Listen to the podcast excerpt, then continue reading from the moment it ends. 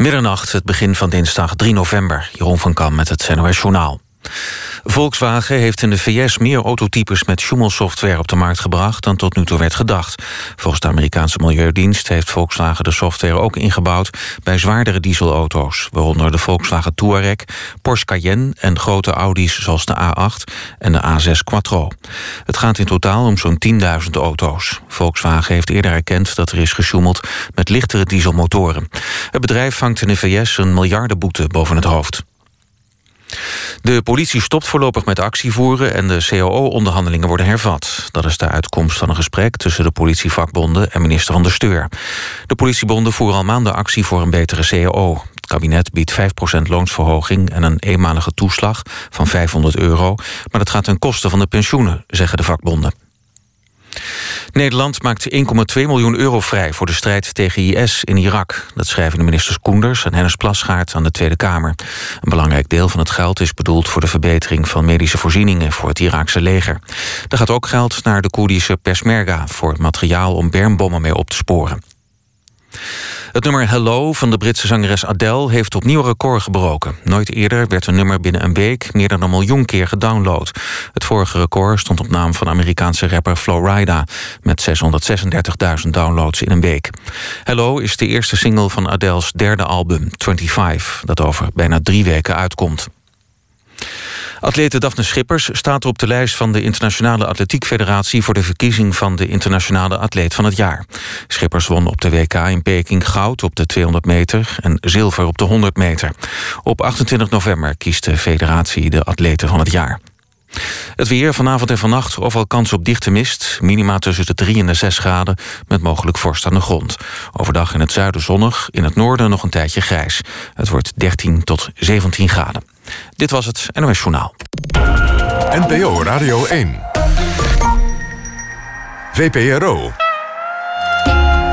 Nooit meer slapen.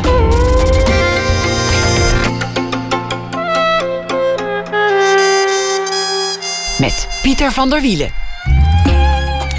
Goedenacht en welkom bij Nooit meer slapen. Velen die komen al aardig in de buurt, maar weinig hebben het ooit daadwerkelijk gedaan. Je hele leven, je hele hebben en houden en dan ook alles wat je doet op het web laten zien aan de medemens.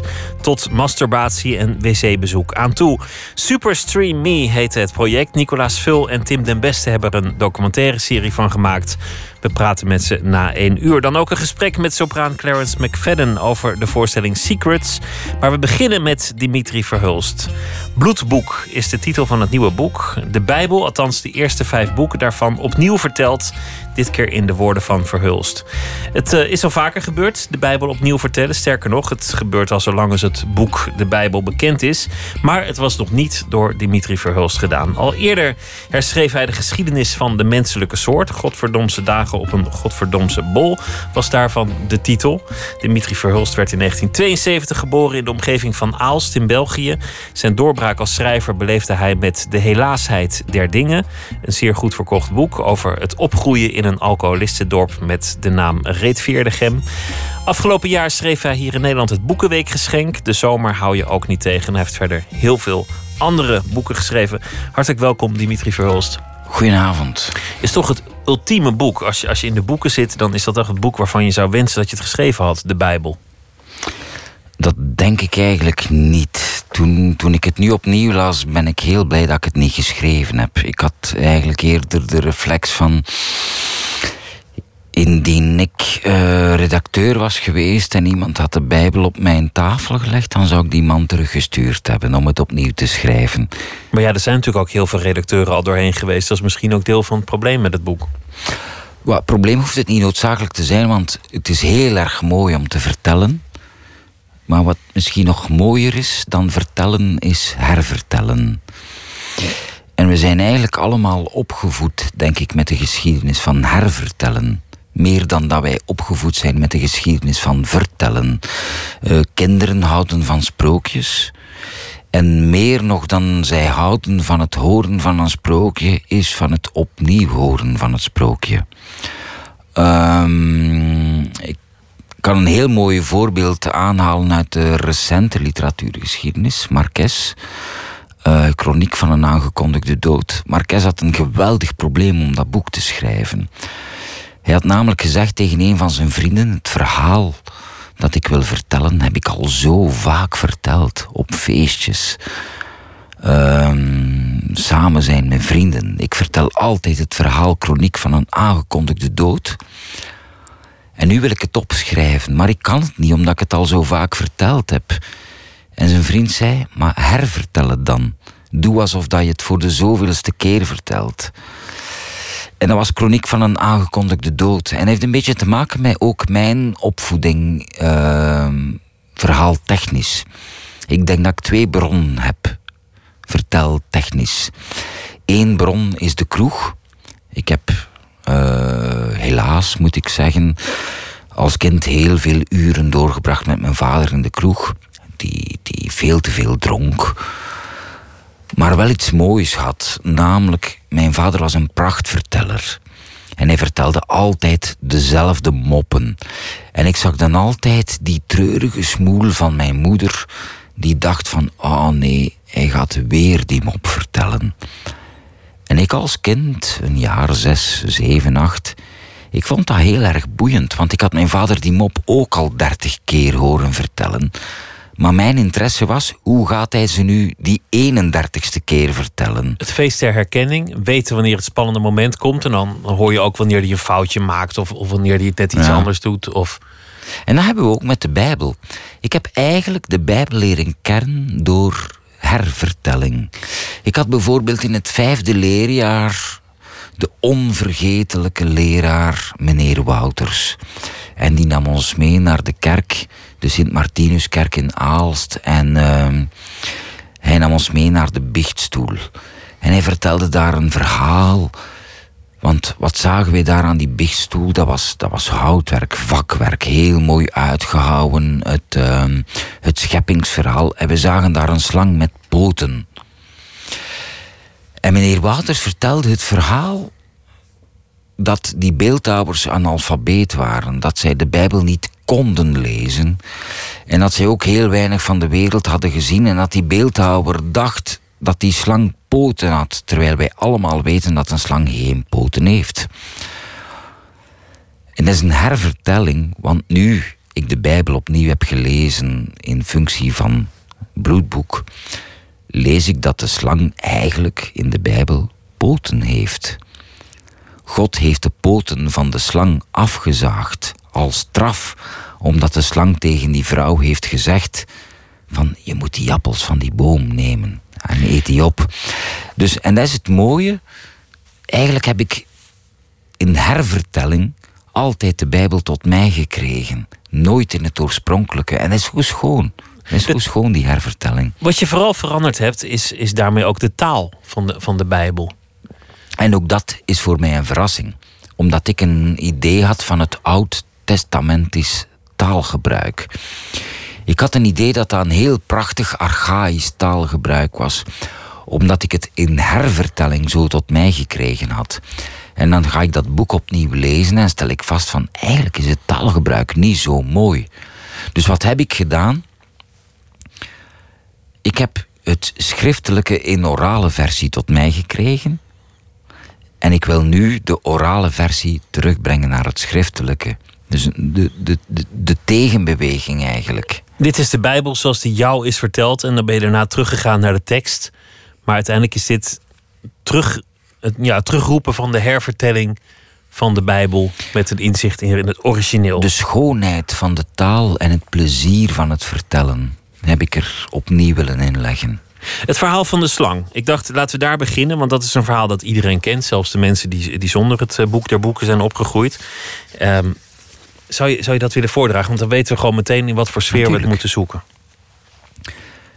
Het grootste secreet onder de beesten was de slang. Sluw en achterbaks, immer bereid te stoken en te koteren tot er ruzie van kwam. En trouw aan zijn karakter wandelde dat beest op zijn duizendste gemak parmantig galant tot bij de vrouw en zei, zolang zijn neusgat weg, kloppende geruchten. En durft gij uw tanden niet te zetten in de vruchten die daar bungelen aan de boom der kennis van goed en kwaad?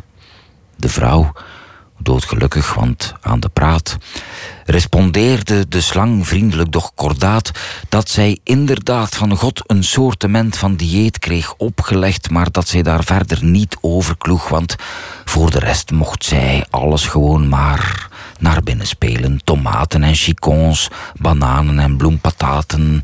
En mochten die aan de struiken groeien, zelfs bonbons. En de slang, toch zo'n vijftal meter lang, zei... O, gij dwaze troela, gij. Gij laat u ook van alles wijs maken. Er is helemaal niks verkeerds en verbodens aan de vruchten van die ene boom. Wat zou er mis kunnen zijn aan kennis? Het is God gewoon, de despoot, die dreigt met de dood, omdat hij niet wil dat gij op intellectueel of enig ander niveau naast hem komt te staan. Hij wil de slimste zijn en dat blijven.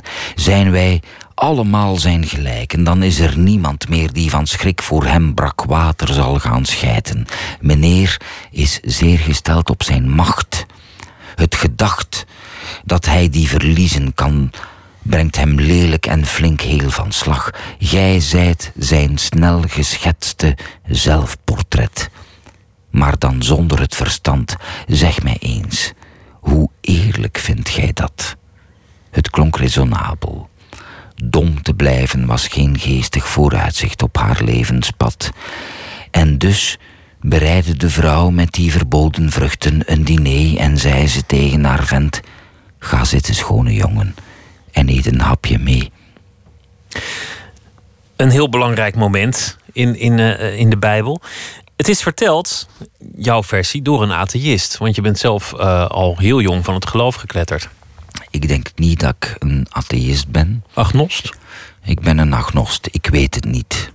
Maar is een, is een agnost soms ook niet een beetje een laffe atheïst? Die denkt, nou ja, ik hou iedereen te vriend en dan noem ik het maar zo. Nou, ik denk gewoon dat ik intellectueel correct moet blijven. Ik weet het gewoon niet. Ik kan, ik kan niet, op geen enkele manier kan ik zeggen wat er gaat gebeuren na de dood.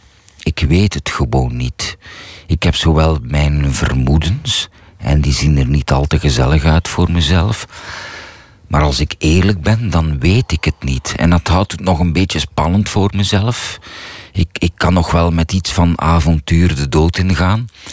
Misschien ga ik het nog wel spannend vinden. Van, ho, ho, wie weet wat er wat straks gaat gebeuren. Daar, ja. ik, ik, ik weet het niet. Ik weet het niet. Maar je bent al heel lang uitgetreden en ik vind uit het ook elke... prettig dat ik het niet weet. Je kunt het ook niet weten. Ik bedoel, uiteindelijk is er altijd een mysterie. Maar je maakt geen deel meer uit van een, van een leer, van een kerk. Dus, dus dit boek is voor jou niet heilig. Deze tekst die je verteld heeft, heeft niet meer waarde dan, dan ieder ander verhaal.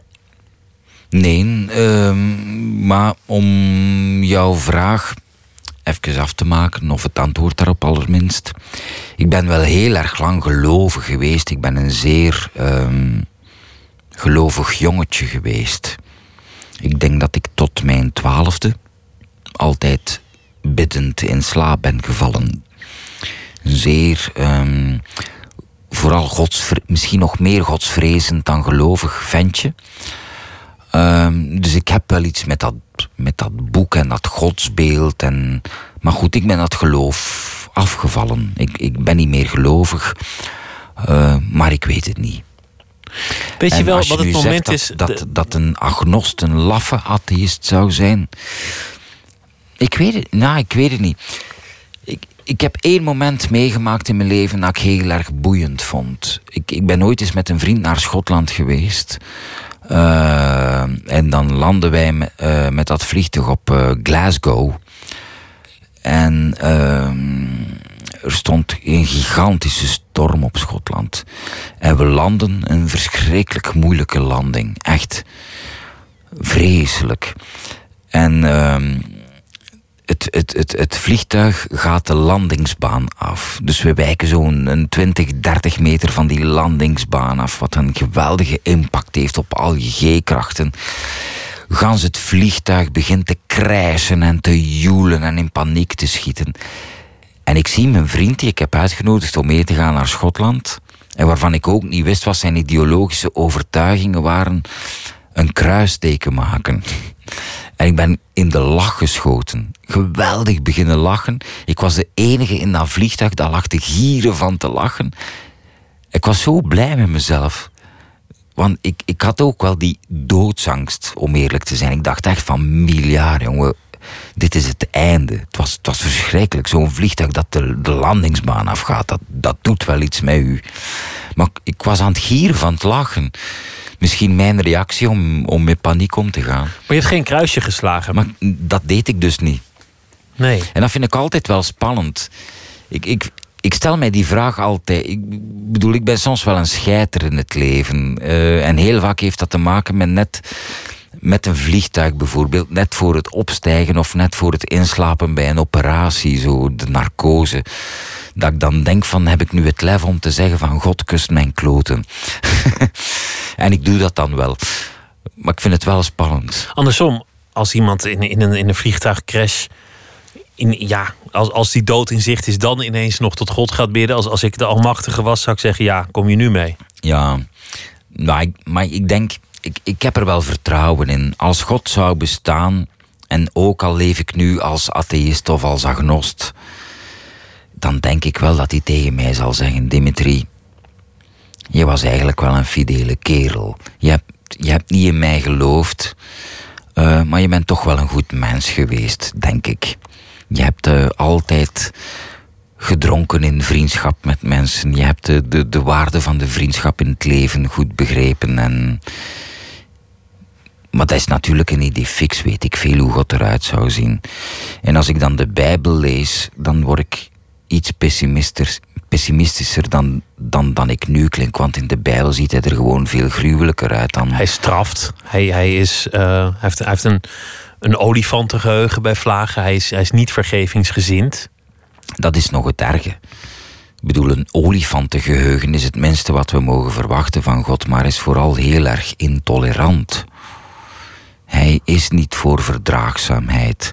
En dat zijn waarden die net ik wel hoog in het vaandel draag. Ik ben een zeer verdraagzame mens. En als ik dan op een dag oog in oog zal komen te staan met de God die in de Bijbel wordt neergezet, dan krijg ik te maken met een soort fascistische figuur die helemaal niet tolerant is. Dus ik, ik, ik vrees dat het niet zo gezellig gaat worden voor mij in de hemel, want ik ben wel tolerant. Maar het boek is voor jou niet heilig. Je, je houdt van de verhalen omdat je ermee bent opgegroeid, omdat ze je eh, verteld zijn. Haal je dan toch troost of, of hoop of, of, uh, of moed uit, uit die boeken?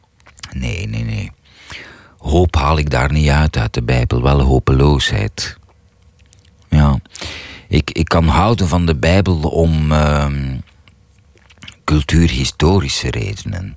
Omdat ik daarmee ben opgevoed en omdat zij het um, abecedarium van mijn cultuur uitmaakt. Ik, ik kan onmogelijk naar een museum gaan in Europa en naar die schilderijen kijken en die decoderen zonder dat ik de Bijbel ken. En heel veel andere dingen. Je zou ons, ons recht, denk ik, in, in sommige beginselen niet goed kunnen begrijpen zonder de, de Bijbel. Het, het leeft in zoveel dingen door. Daar ben ik het niet mee eens.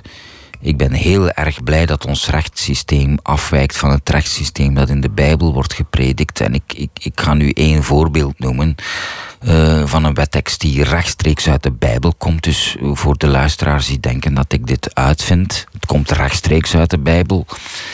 Dus wat in de Bijbel wordt gezegd is: als je per ongeluk een slaaf zou doodslaan, dan hoef je daar niet voor gestraft te worden.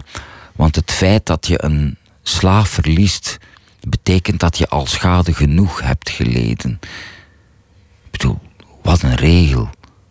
Daar kan ik mij niet mee vinden. En ik ben heel erg blij te wonen in een land dat uh, rechtsmatig sterk afwijkt van, uh, van de rechtspraak die in de Bijbel gehandeld wordt. Wat verder geëvalueerd is. Waar je ook homo's mag doodslaan.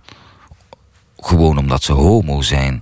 Ik bedoel, ik ben dolgelukkig dat dat niet de basis is van mijn rechtspraak.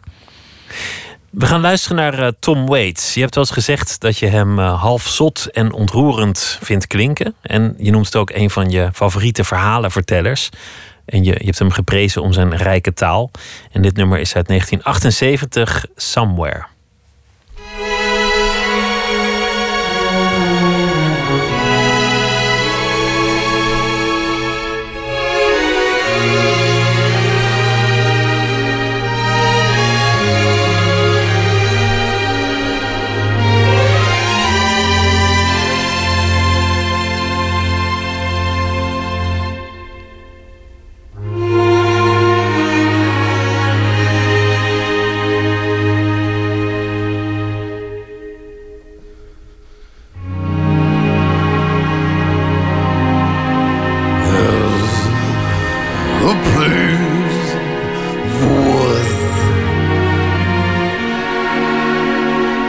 Somewhere, a place for.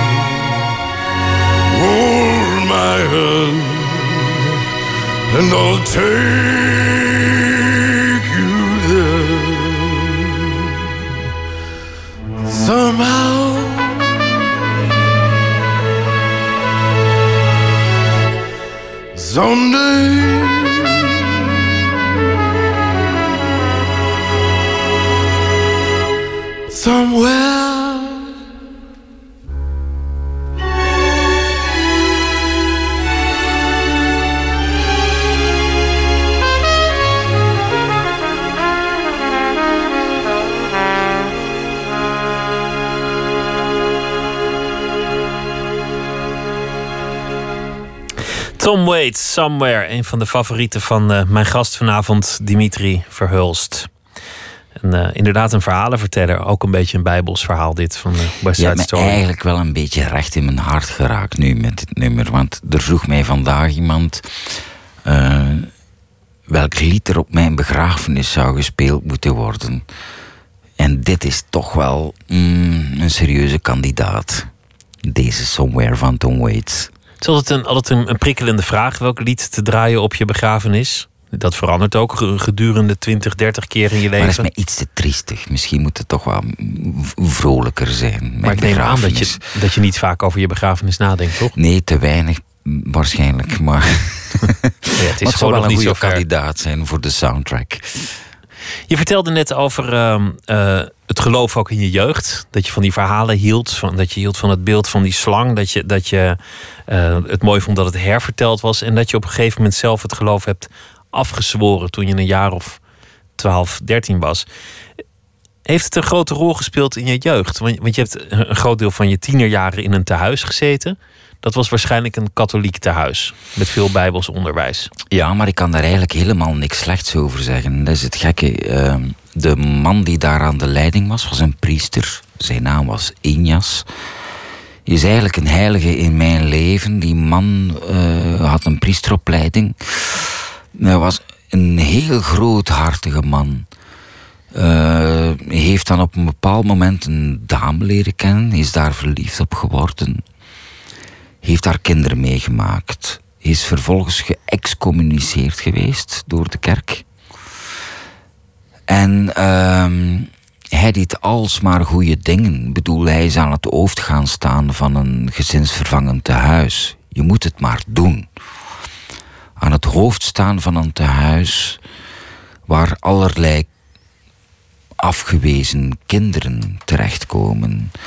Kinderen die zijn verkracht door hun vader of hun oom of wat dan ook. Kinderen die zijn opgevoed door alcoholici, zoals ik er dan een was. Uh, kinderen die door omstandigheden in de criminaliteit zijn beland, uh, aan de drugs zitten en al dat alles samen op een hoopje.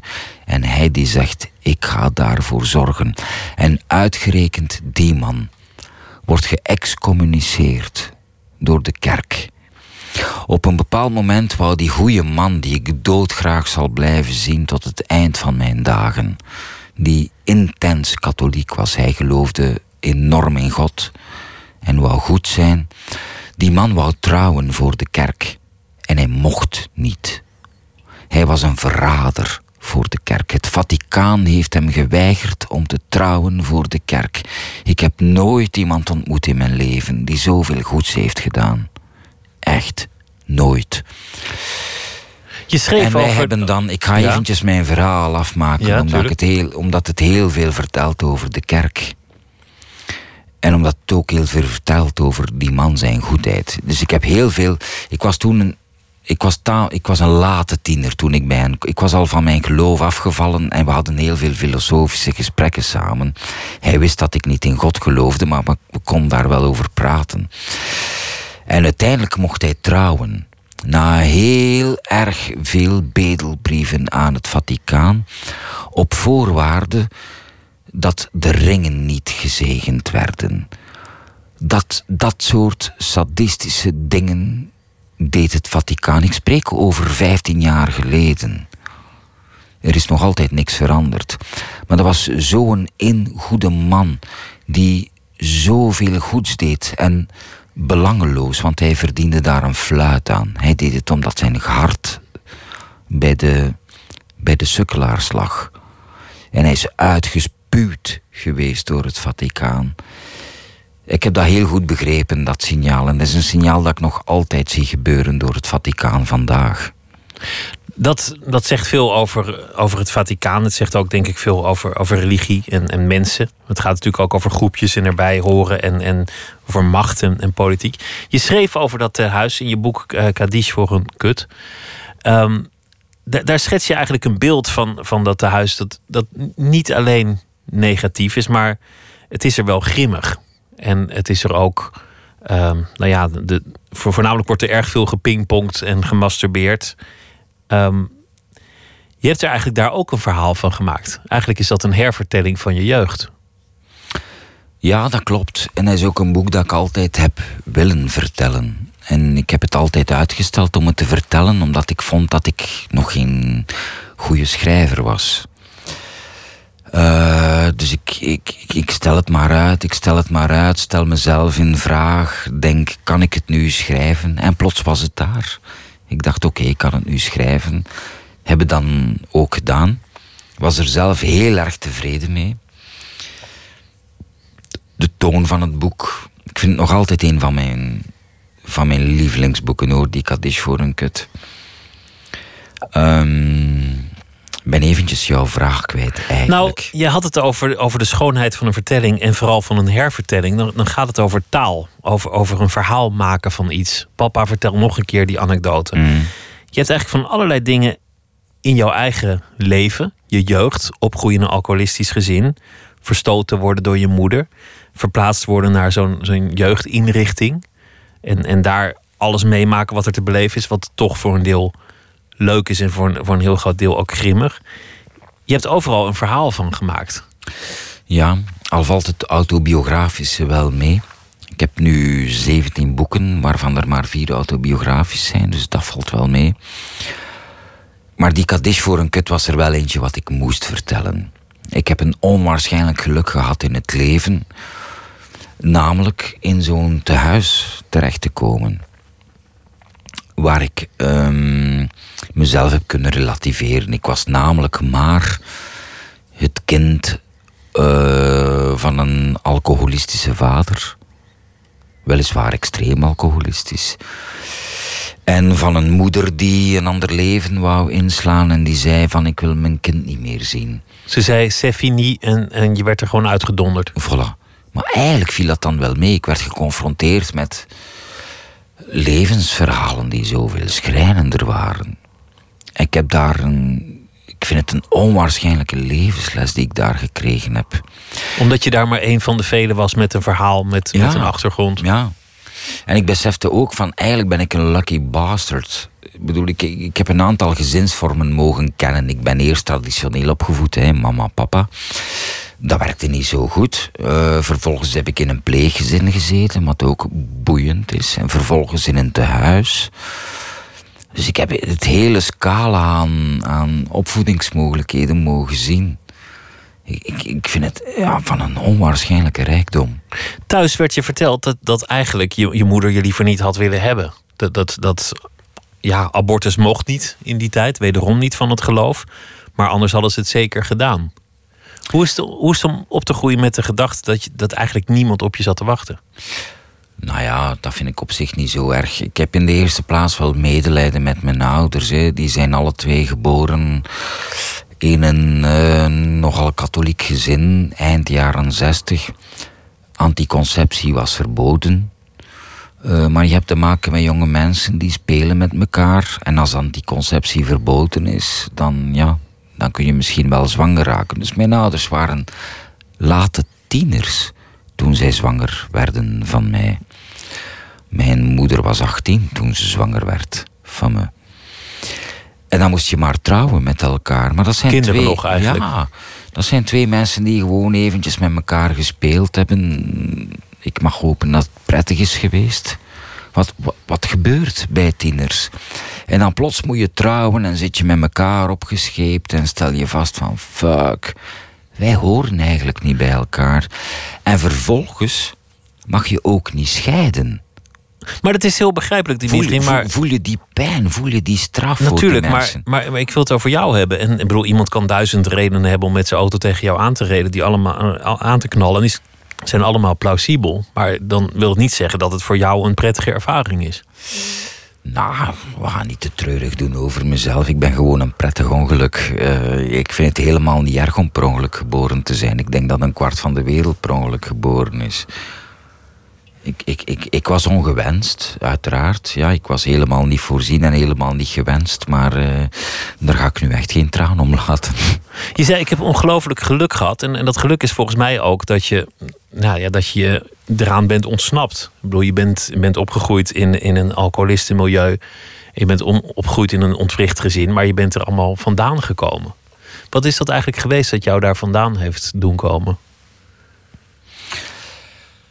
Eh, eigenlijk weet ik dat niet. Eh, ik moet u een beetje ontgoochelen. U bent niet de eerste die mij die vraag stelt. maar ik, weet, ik, ik heb nog altijd niet het antwoord. Ehm, ik weet het niet. Ik weet het echt niet. Ik, ik weet het, het valt tegen als antwoord, maar ik weet het niet. Nou ja, misschien kun je dat ook niet weten. Maar je, je noemt die priester. Misschien was dat wel het moment dat. Nee, nee Dat- hij dat was je het zeer zeker Nee. niet. Ehm, ik heb wel een aantal dingen gezien in mijn jeugd waarvan ik dacht, dit doe ik nooit. Ik heb een paar lijnen gezien en getrokken ook. Mijn, mijn vader was wel een monster. Hè. Toen, hij, toen hij intens bezopen was, sloeg hij op alles en iedereen. Het ganse huis kort en klein en mijn moeder kort en klein en af en toe mij kort en klein. Maar ik was dan altijd de laatste. Eerst het huis, dan mijn moeder en dan ik. En ik heb wel altijd geweten, dit, ik niet. Dit, ik, ik wil nooit zo'n man worden. En dat was wel een stellingname. Ik heb die heel erg jong in het leven genomen, misschien op de leeftijd van acht, maar dat was wel intens. En ik ben dat ook niet geworden. Ik heb mij aan mijn woord gehouden. Dat is iemand die ik niet wil worden, punt. Was er iemand die je wel wilde worden? Wa- Was er in je jeugd een, een, een, een voorbeeld? Ehm, ja, ik denk het niet. Ik ben niet zo'n voorbeeldenmens. Er zijn zo van die klassieke vragen in het leven waar ik nooit een deftig antwoord kan hebben. Eén daarvan is welk boek heeft uw leven veranderd?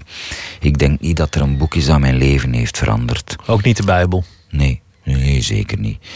Um, en, en, en voorbeelden heb ik eigenlijk ook niet.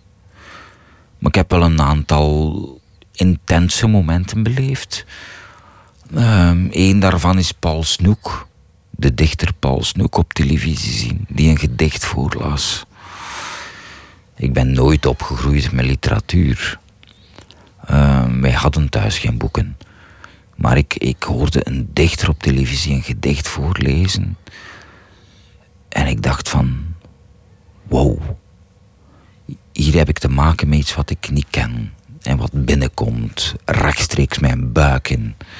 En wat mij aanspreekt. En, en dat zijn kleine dingetjes die opzwellen en van belang blijken te worden later in het leven. En dan gaat het over, over taal, waar, waar je het eerder ook over had. Je had het over de, de, de behoefte om, om die verhalen opnieuw te vertellen.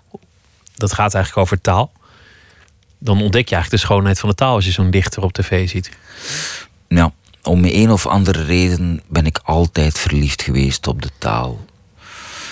Um, ik, um, ik voel nog altijd pijn om mijn eerste fout tijdens een dicté. In het eerste leerjaar. Ik had uh, juffrouw Christine die me heeft leren schrijven. Die heeft me het alfabet aangeleerd en die heeft me mijn eerste zin leren schrijven. En op een bepaald moment hadden wij dicté en het was het woord um, kleren passen.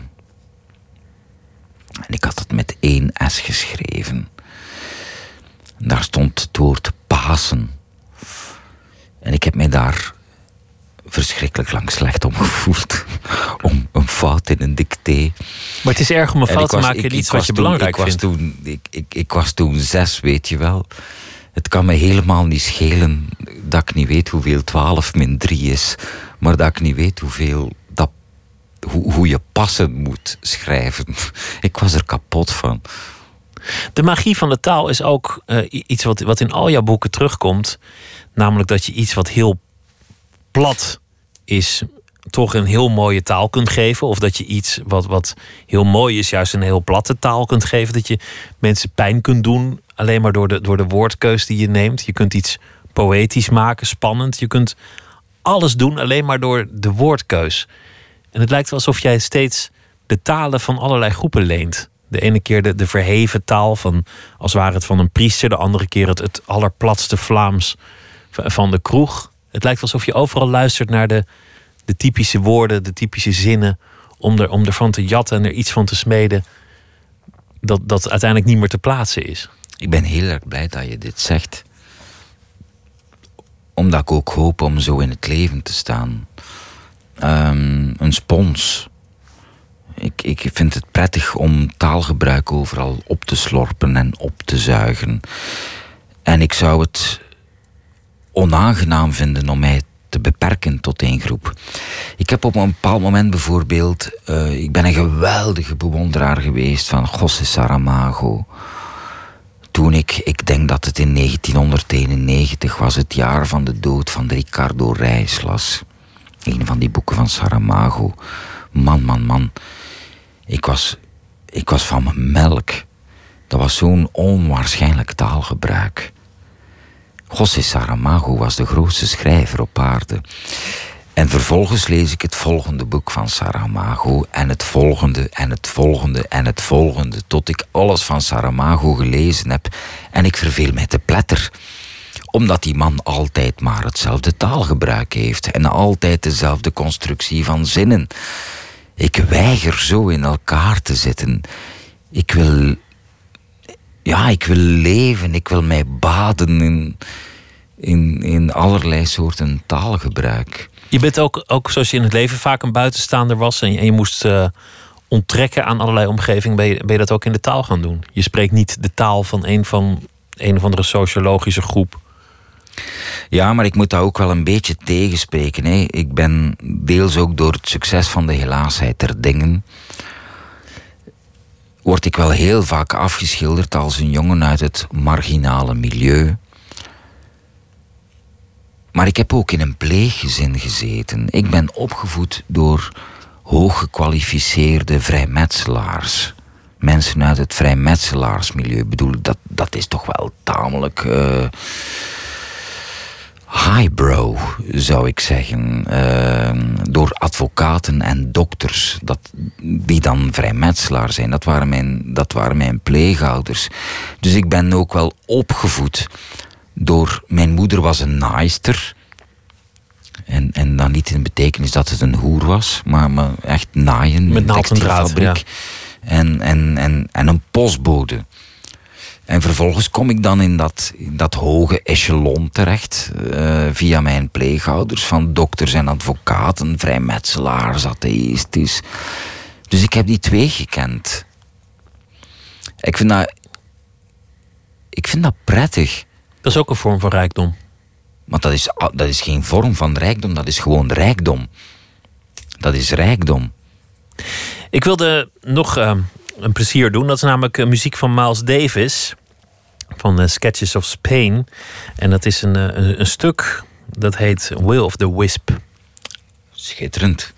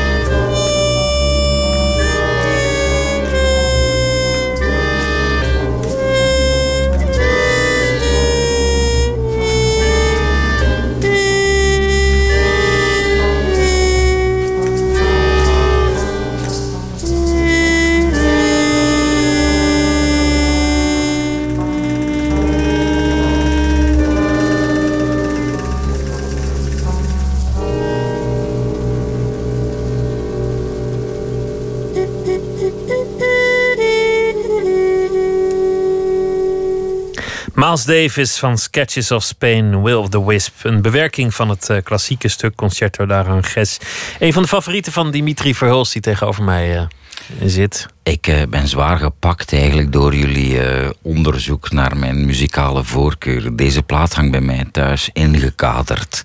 Ik heb zo één boekje lang geleden geschreven. Dinsdagland heet dat. Dat is een soort van... De, de cover daarvan verwijst naar deze plaat. Maar ik vind het ongelooflijk. De, de, componist van dit nummer, waarvan ik de naam weiger te noemen, was ooit gechoqueerd dat Miles Davis. En hij zei daarover dat een neger zich gewaagd aan het spelen van mijn verheven Spaanse muziek. En dan denk je van fuck man, dit is onwaarschijnlijk. Een onwaarschijnlijke interpretatie die Miles Davis hier aan geeft. Dus indrukwekkend Samen met uh, arrangeur Jill, Evans. Ja, ja, Jill Evans. Meester Jill Evans. We hebben het gehad over, uh, over de Bijbel. Je zei ik hou van verhalen vertellen en vooral van de hervertelling. Van het verhaal dat steeds opnieuw verteld wordt en daardoor steeds anders. Je, jouw Ehm, Bijbelverhalen waren mondelingen, niet zozeer schriftelijk. Je bent teruggegaan om, om het weer terug aan het schrift te geven zoals het mondeling tot jou kwam. Je vertelde ook over ehm, de, de, verhalen die jou verteld werden. Over de slang, dat hij eigenlijk pootjes had. En dat je zelf agnost was. Je, je bent niet echt gelovig, maar je hoopt je houdt in ieder geval de optie open dat er nog iets is. Je zei, ik kan het ook niet weten hoe het allemaal zit. Of er een hiernamaals is of niet. We hebben het gehad over je jonge jaren. Een onderwerp dat vaak terugkomt, ook in je boeken. Uh, je uit dankbaarheid aan de, de priester, die zo slecht behandeld is door de kerk, terwijl hij voor jou juist het goede deed. En eigenlijk een heel devoot man was, zoals een devoot man zou moeten zijn volgens jou. Je ouders heb je vergeven. Je zei, ach ja, het waren kinderen, ze hebben het een keer met elkaar gedaan. En in die tijd had je nauwelijks voorbehoedmiddelen, laat staan abortusklinieken. Dus werd je geboren, maar je vindt het niet erg om uh, een, een ongewenste geboorte te zijn.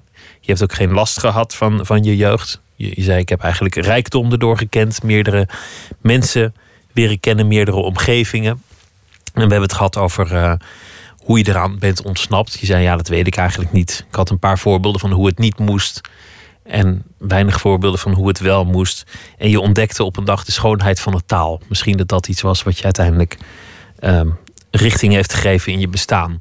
En uiteindelijk probeerde je ook de verhalen, de taal, de, de woorden van zoveel mogelijk mensen te absorberen als een spons. En dat in je boeken weer te geven. Wat is eigenlijk belangrijk in, in het leven? Waar draait het om? Af en toe een goede tas koffie vind ik wel goed. Een cappuccino op tijd en stond. Uh, uh, nou, dat is heel belangrijk. Goede espresso, ja. Ja. Uh, oh, oh, wat een verschrikkelijke vraag. Wat is belangrijk in het leven? Weet ik het? Weet ik het? Ik vind het ook wel prettig om het niet te weten. Nou, je vindt het ook wel prettig om, om over dingen die anderen heel belangrijk vinden, waar anderen heel verheven over te doen, te schrijven alsof, alsof het je eigenlijk niet zo heel veel kan schelen. Alsof het je eigenlijk niet lukt. Ja, ik weet wel wat, wat, wat voor mij prettig en leuk en belangrijk is, maar ik, ik, ik kan dat onmogelijk veralgemenen. Maar mensen die, die, die zullen vaak iets beantwoorden van uh, het vaderschap. Een thema dat ook vaak terugkomt in je werk. Nou, dat, dat is belangrijk. Als mensen aan het eind van mijn leven, als ze dan Tom Waits zitten te luisteren, als ze dan maar zeggen dat ik een goede vader was. Ja. Dat hoor ik jou niet snel zeggen. Uh, nee, mij niet. Maar ik hou niemand tegen om dat wel belangrijk te vinden. Ik, ik, ik kan mij best wel voorstellen dat het prachtig moet zijn om vader te zijn. Maar je bent vader, toch? Ja, maar ik heb daar niet zoveel mee. Uh, het is niet zo'n gevoel dat ik heel erg belangrijk vind. Is, is het een gevoel dat je kent? Voel je je vader? Heb, heb je ooit het gevoel, goh, nee, ik ben nu nee, vader? helemaal niet. In het beste geval voel ik mij een soort nonkel van mijn eigen kind. Maar vader voel ik mij helemaal niet. Ik ben het trouwens ook niet. Ik bedoel, ik heb wel eens een kind verwekt. Um, In biologische zin ben je dan een vader, toch? Of niet? Ja, dat ben ik dan wel. Maar biologisch vind ik nu ook weer niet zo belangrijk. Uh, ik denk niet dat ik het ben. Nee. Vind je liefde belangrijk? Want, Absoluut. ja. ja. Ik kan onmogelijk lacherig doen over liefde. Ik vind het zo'n mooi gevoel. Ik vind het ook wel deelbaar trouwens. Bedoel... Maar is dat liefde of verliefdheid? Um, vind ik heel erg mooi. Verliefdheid ook trouwens. Ja, zo is gewoon liefde. Kom aan, daar gaan we niet lullig over doen. Liefde is fantastisch, er moet liefde zijn. Je, trouwens, je, je, je kan onmogelijk zeggen dat vaderschap belangrijk is.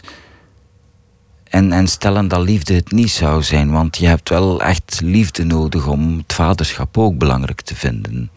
Ik denk dat daar wel Ja. enige connectie moet zijn tussen die twee. Ik ben niet zo'n expert op het gebied van vaderschap, maar ik Ja, denk dat daar ook wel iets... wel. Ja, ja. We gaan nu even de rol omdraaien, beste luisteraar. Ik ga nu eventjes interviewen. Maar goed, ik, ik, denk, ik denk dat daar ook wel liefde aan te pas komt. Ja, lijkt me wel. Dat het Ja, ook een vorm van liefde is. Ja, tuurlijk.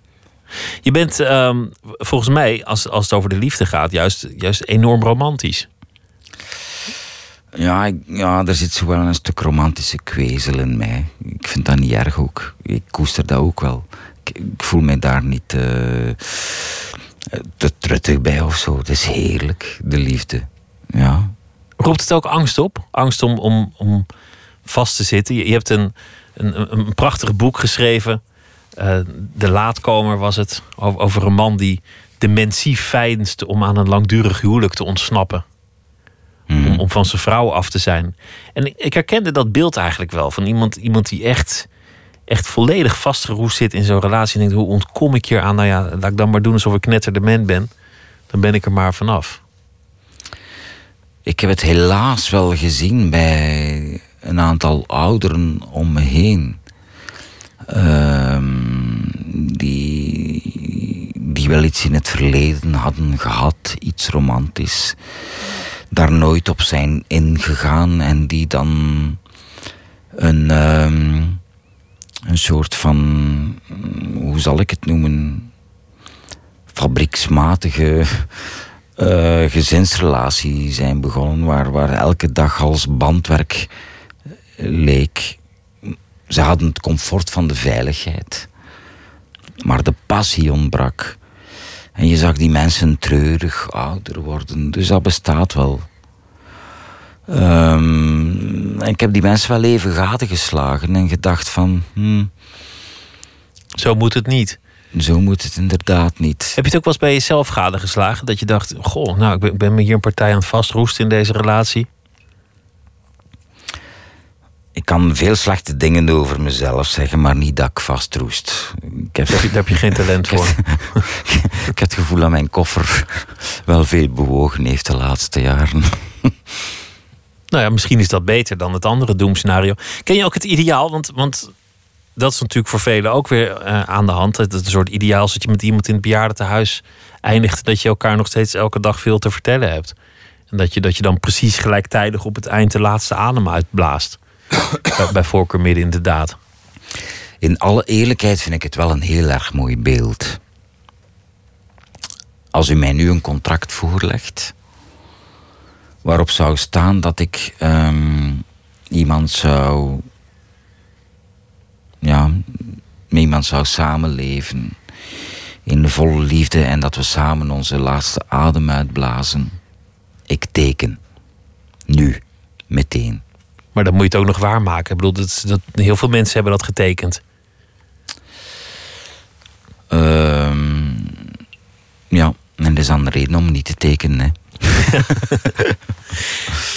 Vaak wordt gezegd door, door mensen die, die jouw boeken eh, bestuderen... Dat, dat je een negatief mensbeeld hebt. Ik, ik heb het er zelf eigenlijk niet zo uitgehaald. Ik, ik zou eerder spreken van een, eh, nou ja, een realistisch mensbeeld. Mm. Hoe zie je dat zelf? Ehm, goh, over mezelf denk ik altijd in termen van een vrolijke misantroop. Ehm, mijn mensbeeld is niet het vrolijkste. Ik heb niet het grootste geloof in de mens, anders zou ik ook onmogelijk dit Bijbelboek hebben kunnen schrijven. Maar dat, ehm, dat belet me niet om zelf vrolijk te blijven. Ik heb nog altijd die hendel onder controle. Gelukkig. Ook, zou ik zeggen. Maar mijn, mijn mens. Je lijdt er niet onder. Je, je bent niet somber geworden door je mensbeeld. Maar ja, doe het maar eens. Hè. Heb die hendel maar eens niet onder controle. Hoe zou ik een ethische mens kunnen zijn?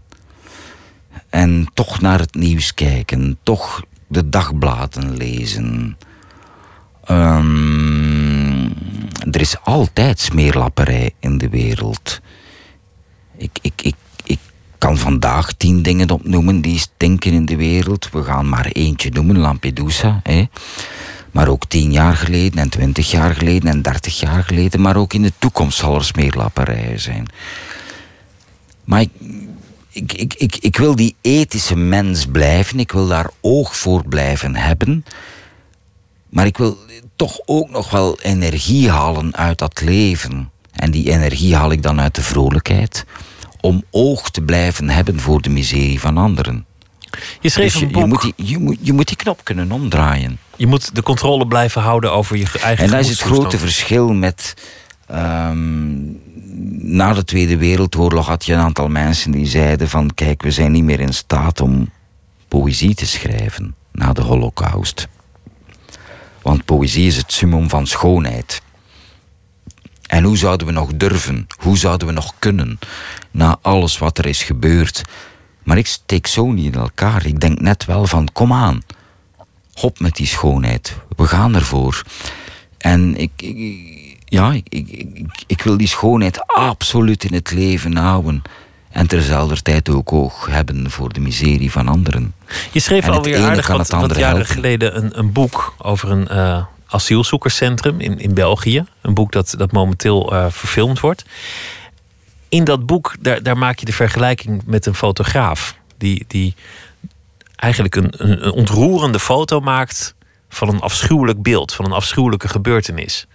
En zelf doe je dat ook met dat boek. Je, je alle misère, alle narigheid, alle rottigheid van een asielzoekerscentrum.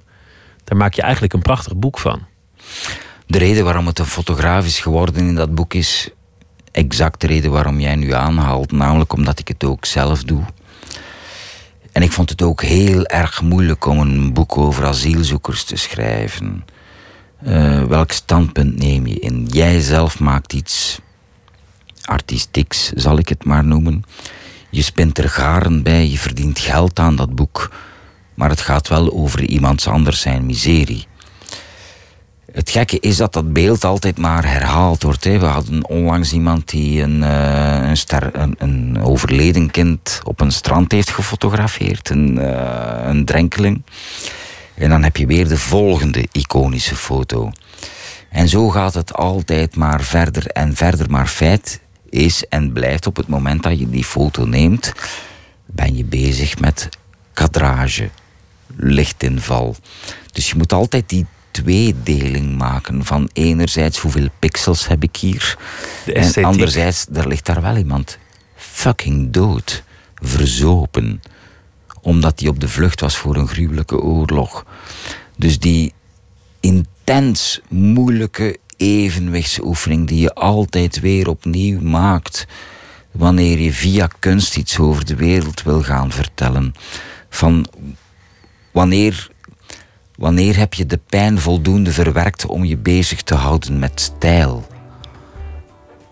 Dat is, En taal. verdo- dat is verdomme best lastig hoor, aan een schrijftafel. Toen ik in het asielzoekerscentrum zat, ben ik met zeer concrete mensen bezig geweest die bedreigd waren met de dood. Maar je moet daar wel een boek over gaan schrijven. Een boek dat, eh, zoals ik zei, thans eh, verfilmd wordt.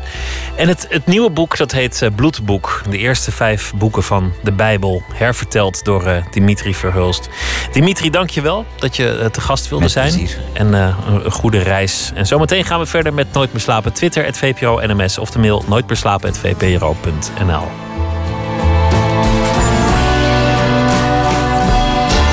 Op Radio 1. Het nieuws van alle kanten.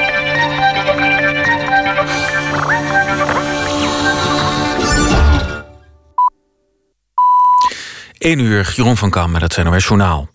Volkswagen heeft in de VS meer autotypes met Schumel-software op de markt gebracht dan tot nu toe werd gedacht. Volgens de Amerikaanse Milieudienst heeft Volkswagen de software ook ingebouwd bij zwaardere dieselauto's, waaronder de Volkswagen Touareg, Porsche Cayenne en grote Audi's, zoals de A8 en de A6 Quattro. Het gaat in totaal om zo'n 10.000 auto's. Volkswagen heeft eerder erkend dat er is gesjoemeld met lichtere dieselmotoren.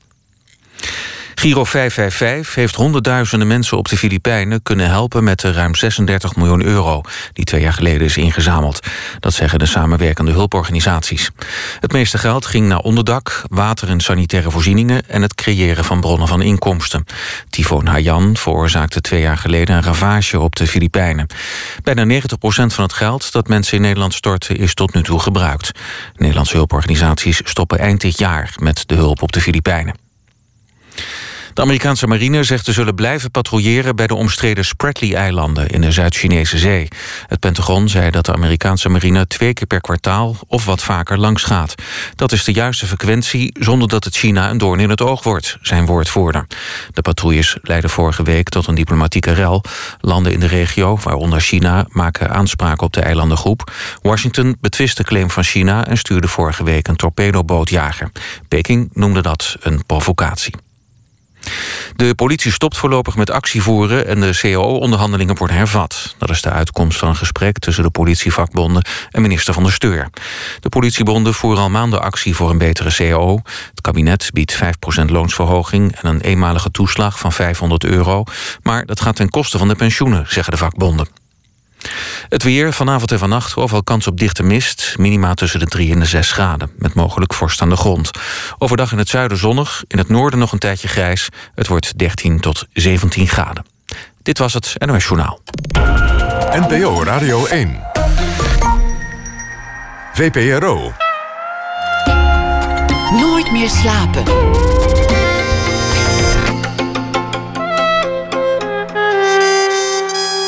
Met Pieter van der Wielen. U luistert naar Nooit meer slapen. Deel uw geheimen met ons. Dat is de vraag die uh, het publiek krijgt voorgelegd in de voorstelling Secrets. Met sopraan Karen McFadden praten we zo meteen over die voorstelling. Ook een gesprek met Nicolaas Vul en Tim den Beste, de makers van Superstream Me, een uh, documentaire serie over hun eigen experiment alles via social media en het web delen met de anderen. Dag en nacht. En uh, het leuke, zowel als de onmin. Gustav Peek is deze week uh, de schrijver die elke nacht een verhaal zal voordragen over de afgelopen dag. Debuteerde in 2006 met het boek Armin. Daarna schreef hij nog Dover en Ik was Amerika. En vorig jaar schreef, schreef hij uh, de roman Godin Held. Gustav, goeienacht. Goeiedag, Pieter. Vertel eens. Het, uh, je hebt het eerder gedaan, maar uh, ja. je moest dus vandaag iets in de wereld uitpikken en uh, uitlichten. Iets in de wereld, ja. Ik, ik, ik schrijf deze week elke dag een brief um, aan mijn halfbroer in Indonesië.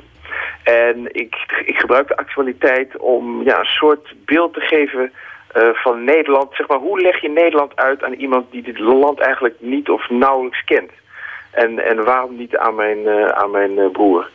Dus het, uh, het worden brieven waarin ik iets over, ja, over Nederland zeg. Elke dag weer een klein beetje meer. Ga je gang. Lieve broer. Vandaag was het code geel in Nederland. Maak je geen zorgen. Zo'n kleur zegt niets over oorlog of epidemie. Het Koninklijk Nederlands Meteorologisch Instituut, dat alles over het weer hier verzamelt, waarschuwde voor de mist die als een belemmerende sluier de autowegen bedekte.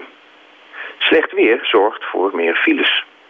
Stel je voor, een rij auto's van Surabaya naar Semarang. Die afstand aan auto's lag hier vanochtend en vanavond in stroperige vlekken op de wegenkaart. Ik hoorde onlangs iemand zeggen dat westerse landen het onbekende opzochten en koloniseerden vanwege de seizoenen. Seizoenen impliceren vooruitgang. Wie elke dag eenzelfde soort zon op zijn schouders voelt, zoekt de schaduw op onder zijn gebruikelijke boom. Blijkbaar. Was je hier ooit in de herfst? Ik geloof het niet. Ik herinner me dat je ooit in de lente op Schiphol arriveerde. Je rilde in je dunne jas, maar verder wilde je niet laten merken hoe ongastvrij de heldere, frisse lucht aanvoelde buiten de vliegvelddeuren. Het weer is een religie in mijn land. Elke druppel, nevel of zonnestraal krijgt een bijbelse hoeveelheid aan interpretaties. Onze priesters krijgen elke dag op het belangrijkste moment van de avond hun moment voor een heilig scherm. Ze grijnzen en gebaren, soms wijzen ze op gevaren, vaker sussen ze ons gerust. Er valt nu eenmaal weinig te doen tegen zoveel voorzienigheid. Nederlanders houden van hun herfst, roemen de kleuren van hun geplante bomen. De bladeren hangen nu steeds zwakker aan de takken. Het is wachten op de eerste goede storm die onze weinige bossen kaal en klaar blaast voor de winter. Winter, dat ken je van foto's en van Amerikaanse kerstfilms, maar zover is het nog niet. Als ik zie wat er verder nog gebeurt in Nederland, dan wil ik het ook alleen maar over mist en de worstelende zon hebben. Dode kinderen, vluchtelingen in isoleercellen, wanbeleid bij thuiszorg, organisaties. Sorry, die laatste moet ik uitleggen. Wie hier in zijn eigen huis verpleging of zorg nodig heeft, bijvoorbeeld na een operatie of door ouderdom, moet, vaak via een verzekering, een bedrijf benaderen dat dan na betaling iemand stuurt om in die zorg of verpleging te voorzien. In Nederland vinden we economische transacties duidelijk en authentiek. We zijn gelukkiger zonder de constante aandacht van familie. Wanbeleid. Het ontbreken van sterke sloten op onze schatkisten. Dat is iets wat Nederland en Indonesië af en toe delen. Dan nog dit. Er zoekt nu in Oeganda een moeder naar haar dochter. Die dochter is 21 en studeert geneeskunde in Amsterdam. Oeganda was geen vakantieland voor haar, maar een plek om iets te leren. Ze deed er stage. Ze is niet teruggekomen van een wandeling langs de Nijl. Zonder water kan niets bestaan. Maar zoals op aarde alles gestut wordt door zijn tegendeel, is water ook een grote vijand. Een onbetrouwbaar beest. De wereld is alleen gul voor wie geluk heeft. Misschien moet ik je dit soort dingen niet schrijven. Jij bent ook vader van een dochter die nu oud genoeg is voor wandelingen buiten het zicht op verre plekken. Het is koud buiten. Er komt stoom uit de monden van de mensen op straat en toch zwijgen ze. Ze bewaren hun schaarse woorden voor weerberichten. Morgen schrijf ik je weer.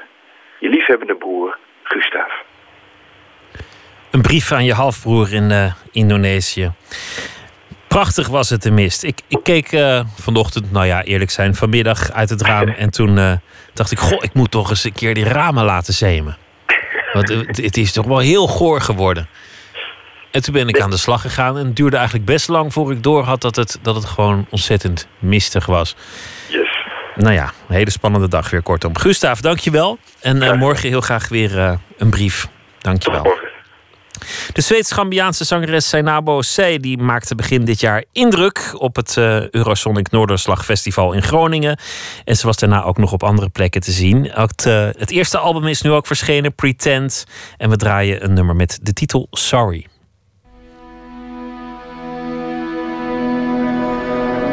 Flowers in my garden die faster than they grow. Slowly as they wither, I reap the seeds I sow. I have felt the wind blow like fire, and like snow. But only shame can conquer time, and guilt should know. Be wise enough to wonder, be brave and let it go. Nothing's everlasting. Have mercy on my soul. Wrong when told the right way might make you string your bow when all these clouds are full of sin and rain should know. Heaven keep the lonely. You are not the only.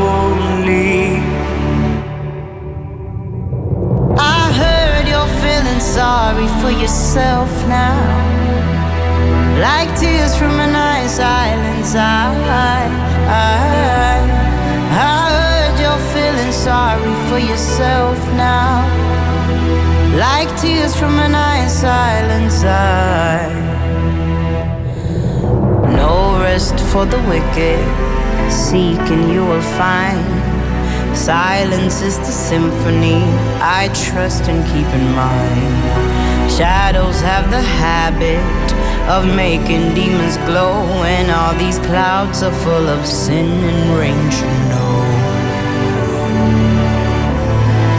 Heaven keep the lonely. I am not the only.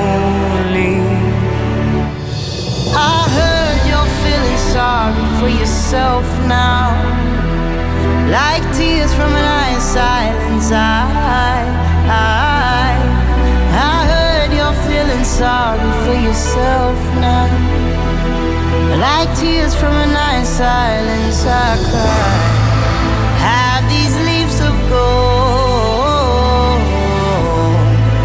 Give me back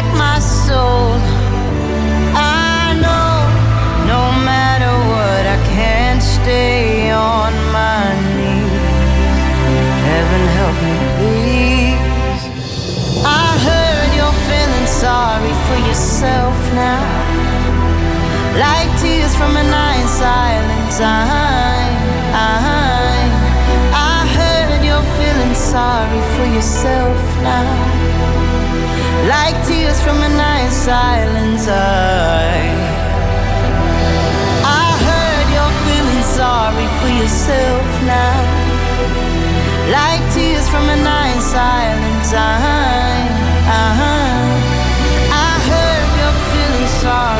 yourself now. Like tears from a night silence. I cry.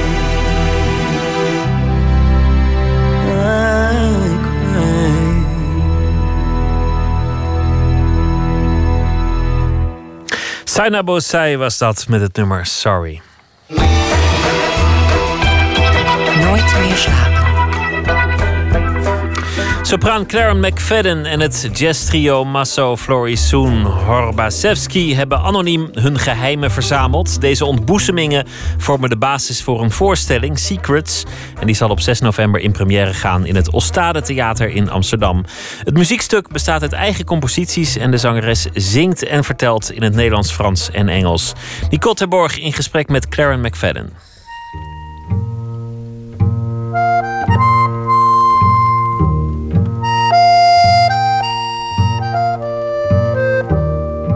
Ik heb veel onderzoek gedaan. Het is, het is voor mij een, een zoektocht naar eh, niet alleen de muzikaliteit van een project, maar ook de sociale of psychologisch, hoe je het noemt. Het fascineert mij hoe wij in elkaar zitten. Soms denk ik, ja, ik, als ik niet meer kan zingen, dan, dan wil ik meer richting psychologie of, of iets.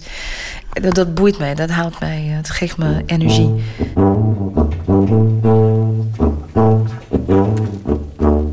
Als het publiek binnenkomt, dan zie ze dan een soort loods, alsof ze in een ruimte zijn gekomen. Dus een industriële raam. En als ze binnenkomen, het lijkt alsof ze naar buiten kijken.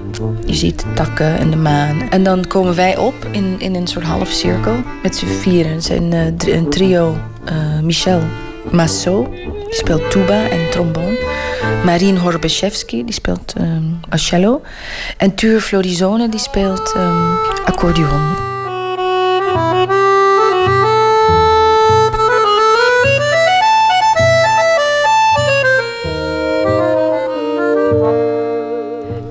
Ik ben een meisje en ik heb me laten kussen door een ander meisje. Ik val helemaal niet op meisjes, maar ik vond het stiekem wel leuk. En het was super zacht. Dit was eh, een van de geheimen, hè? Want vertel eens, hoe zijn je in al deze geheimen gekomen? We hebben mensen gevraagd, gewoon een oproep gemaakt. Om in Nederlandstalig, Franstalig, Engelstalig, wat Duits dingen. Ze konden naar een website gaan. Een eh, geheime website, of zeg je dat? Secure website. Maar we hebben ook eh, geheime dozen in bepaalde plekken in de stad neergezet.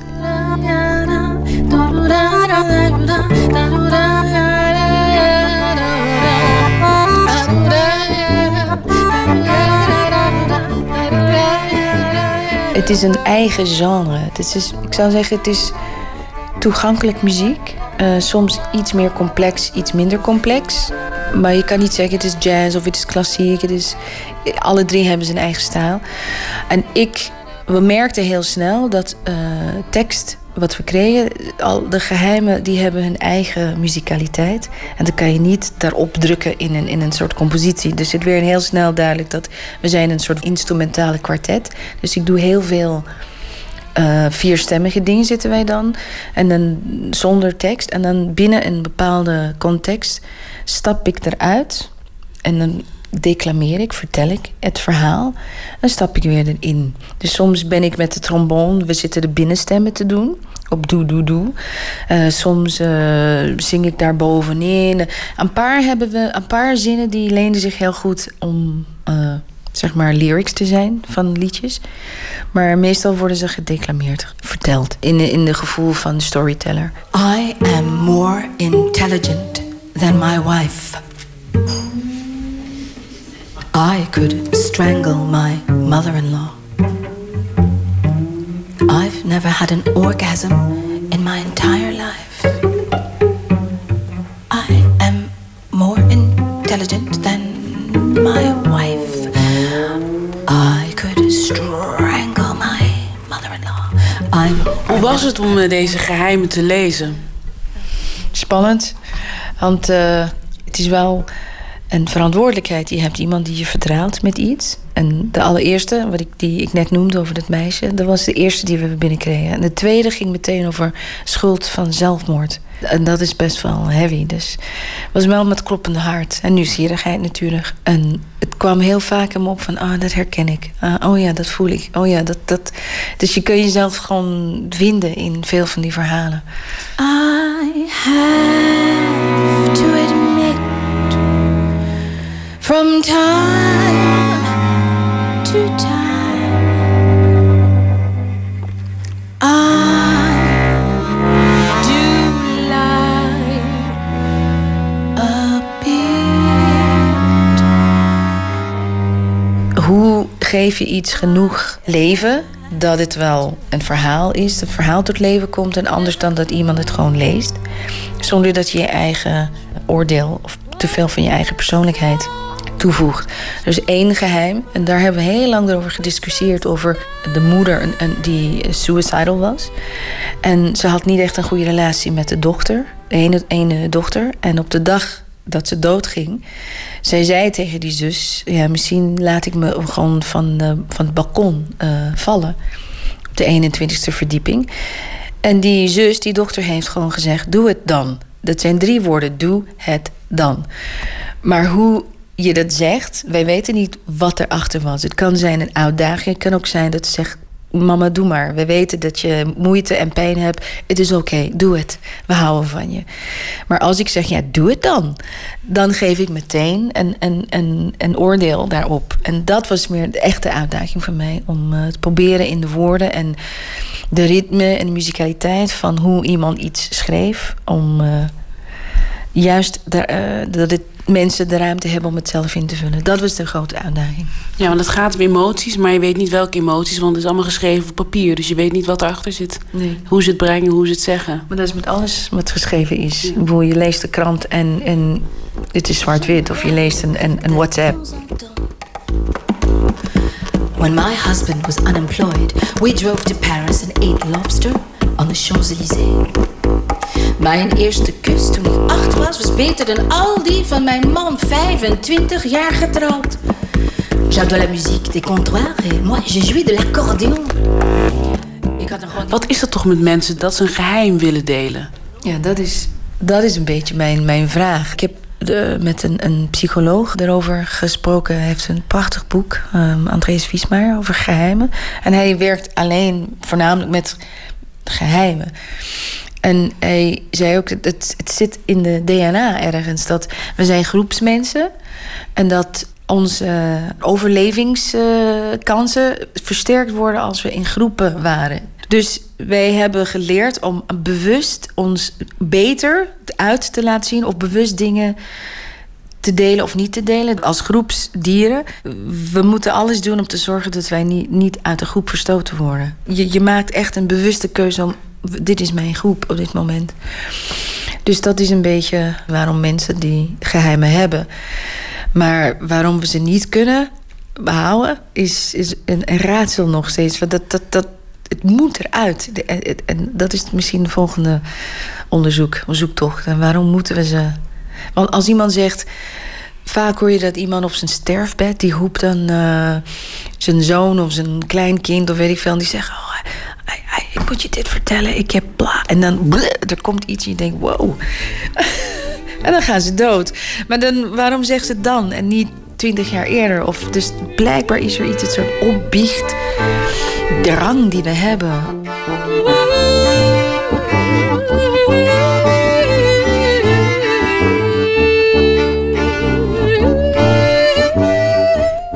Zit jij in elkaar dan qua geheimen? Oh god, I'm a mess. Mijn geheim zit er ook in. Ja, ik heb ook een geheim in de doos gedaan. Ga je dat vertellen? Eh, nee. Alleen dit vertel ik, dat mijn geheim zit wel in de doos. Met wie deel jij je geheimen? Ja, mijn diepst, alle, alle, alle diepste geheim heb ik met één iemand gedeeld. En ik dacht, goh, nou, die, die persoon die schijnt dan heel belangrijk te zijn voor mij dan. En hoe was dat toen je dat geheim deelde? Ik vond het doodeng, want natuurlijk, je, je iets is heel diep begraven in je. En in- in een quote-unquote veilig plek. En het hele proces om daar naartoe te gaan, om het helemaal. Je, je neemt je dingen, je begint te graven. Je herleeft het helemaal. En niet alleen het, het geheim zelf, maar het feit. Ja, wat je ermee gedaan hebt, hoe diep het begraven was. Dus het was echt op, helemaal opnieuw. Dus ik was helemaal met zwetende handen en kloppende hart en zo. En het moment dat je denkt, oké, ik ga het nu vertellen. En dan je neemt adem en je vertelt het. En dan denk je... En het eerste wat in me opkwam, oh, wat, wat zou die persoon van mij denken? Dus inderdaad, het is echt... eh, je stel je bloot aan iemand.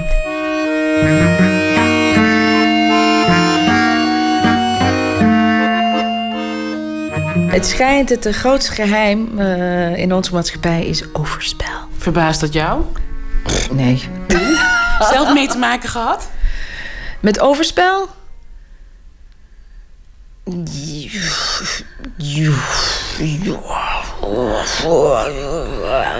En jij? Je geeft niet echt antwoord. Die gaat wel meteen terugvragen.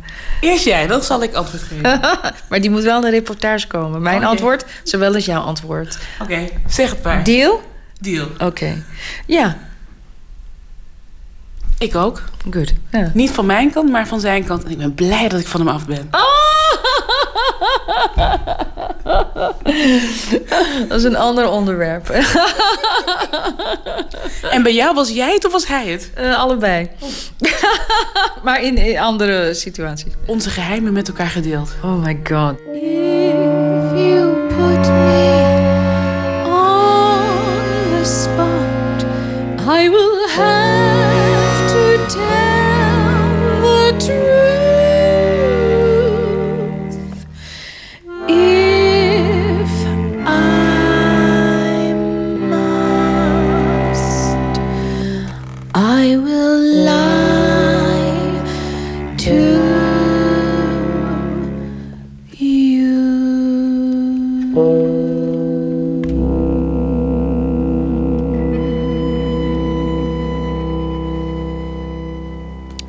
voorstelling Secrets van Claren McFadden met Jazz Trio gaat op 6 november in première in Amsterdam in het Ostade Theater.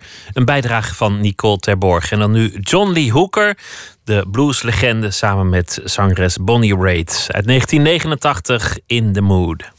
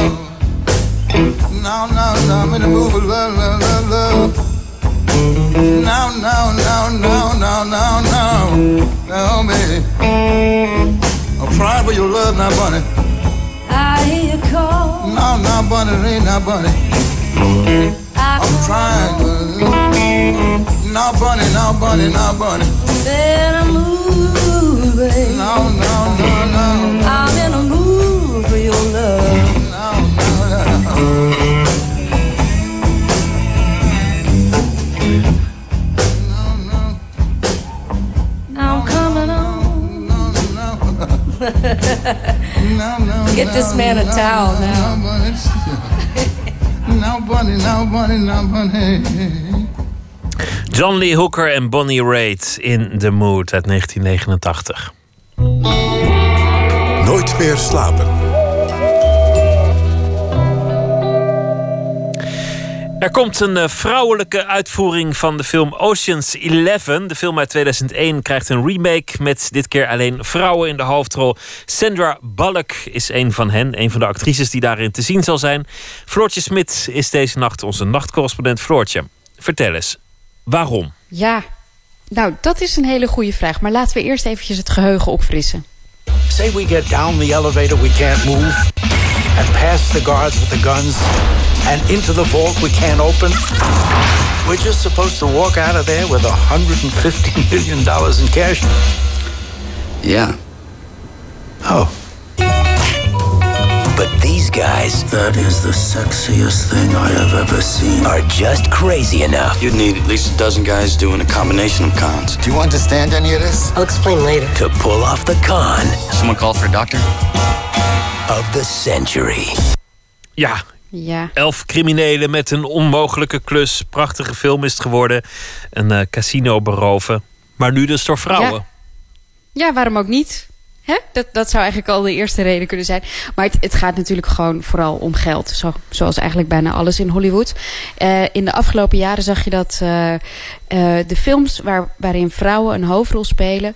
het ontzettend goed doen aan de kassa's. Dan heb ik het over comedies zoals Bridesmaids... maar ook over actiefilms zoals Hunger Games... En die maken eigenlijk meer geld dan, dan die met mannelijke blanke hoofdrolspelers. Dus ja, dan gaat Hollywood zoeken.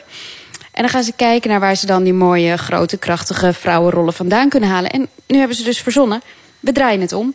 Dus ehm, nu Ocean's Eleven met vrouwelijke hoofdrollen. Ze zijn bezig met Ghostbusters met vrouwelijke hoofdrollen. Eh, Sandra Bullock is in een eh, politieke satire te zien op dit moment. Our Brand is Crisis. En eh, ja, ook zij... eh, Of die rol was eigenlijk ook bedoeld voor een man. In principe. Charlize Theron die gaat een rol spelen die eigenlijk voor Brad Pitt bedoeld was. Nou, ga zo maar door eigenlijk.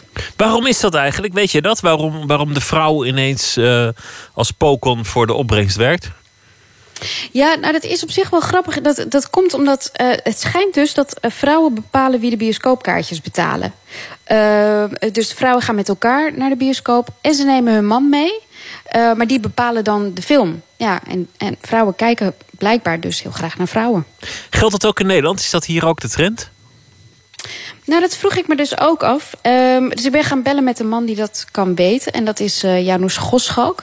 Hij is casting director voor Kemna Casting. En dat is, ja, dat weet je, dat is de hofleverancier eigenlijk voor acteurs en actri- actrices in eh, de Nederlandse film- en televisiewereld. En ik vroeg hem eerst of hier ook steeds vaker vrouwen worden gezocht voor zo'n mooie, grote, sterke hoofdrol. Ik heb wel het idee dat dat de laatste jaren meer aan de gang is. Zowel op televisie als denk ik ook wel op film. Je hebt natuurlijk bij eh, Penosa is natuurlijk een heel duidelijk voorbeeld. Noord-Zuid was een goed voorbeeld volgens mij ook. Waarin Ariane Sluter natuurlijk echt een hoofdrol speelt in een politieserie. Moet ik er wel bij zeggen, we hebben natuurlijk zoveel jaar geleden ook series als Spangen en zo gehad. Waar Linda de Mol en, eh, en Monique van der Ven ook samen de hoofdrol in speelden. Dus ik weet niet of het nou echt totaal anders is, maar je, je voelt wel dat er meer mooie grote hoofdrollen voor vrouwen zijn op dit moment. Ik denk dat het in ieder geval voor Nederland ook een klein beetje overwaait uit eh, landen als Denemarken en zo, waar, waar bijvoorbeeld Killing heeft natuurlijk best wel iets gedaan. Dus wat dat betreft, eh, en je ziet wel in, in film, maar zie je, zie je het nog wel iets meer voor mijn gevoel. En dat heeft denk ik voor groot te maken met het succes van, eh, van, van, van veel thrillerboeken die verfilmd worden, zoals De Verbouwing en Daglicht. En in die zin is die trend al wel een tijdje aan de gang in Nederland, heb ik het idee. Hij nuanceert het, maar hij bevestigt wel degelijk... de vrouw bepaalt welke film we naartoe gaan... en sleept de man of de vriendinnen mee. En dus eh, kijken ze liever naar vrouwen. Wil het dan ook zeggen dat je in Nederland ook de trend ziet... dat de, de rollen, de belangrijke rollen... liever naar een vrouw gaan dan naar een man? Nou, dat zag je niet, want hij zei ook dat is niet helemaal zonder consequenties. Kijk, als het echt om een hoofd-hoofdrol gaat, dan zijn er vaak zoveel, daar is natuurlijk zo lang over nagedacht bij een scenario, dan, dan is de consequentie om, om, uh, om, om zomaar eventjes een, een man door een vrouw te vervangen, die is vaak dusdanig groot dat dat helemaal niet realistisch is. Dus dan, ga je, dan zeg je eigenlijk, kan je het hele scenario even aanpassen. Dus dat, dat, ik moet heel eerlijk zeggen dat dat niet heel vaak gebeurt. Maar het gebeurt wel degelijk in ondersteunende rollen. En ook substantiële ondersteunende rollen. Ja, die, die, die wisselen eh, beide kanten uit eh, regelmatig van eh, geslacht. Ja, en zelfs dan is het nog best wel lastig. Want als je een man of een vrouw hebt in een bepaalde bijrol... dat ehm, kan de sfeer van een film natuurlijk ontzettend veranderen. Je kan een soort seksuele spanning krijgen die je misschien helemaal niet wilt. En hij zei ook, daar wordt het eigenlijk voor gebruikt... om die spanning er helemaal af te halen... om een ander evenwicht te krijgen in die film... om ja, of, of juist toe te voegen, die spanning. Dus daar, daar gaat het eigenlijk om. En ik moet nog wel één kleine nuance maken hoor trouwens. Want het is natuurlijk niet helemaal nieuw hè, dat omwisselen van die rollen. In Alien bijvoorbeeld zou Ripley in eerste instantie ook door een man gespeeld worden. En het werd Sigourney Weaver.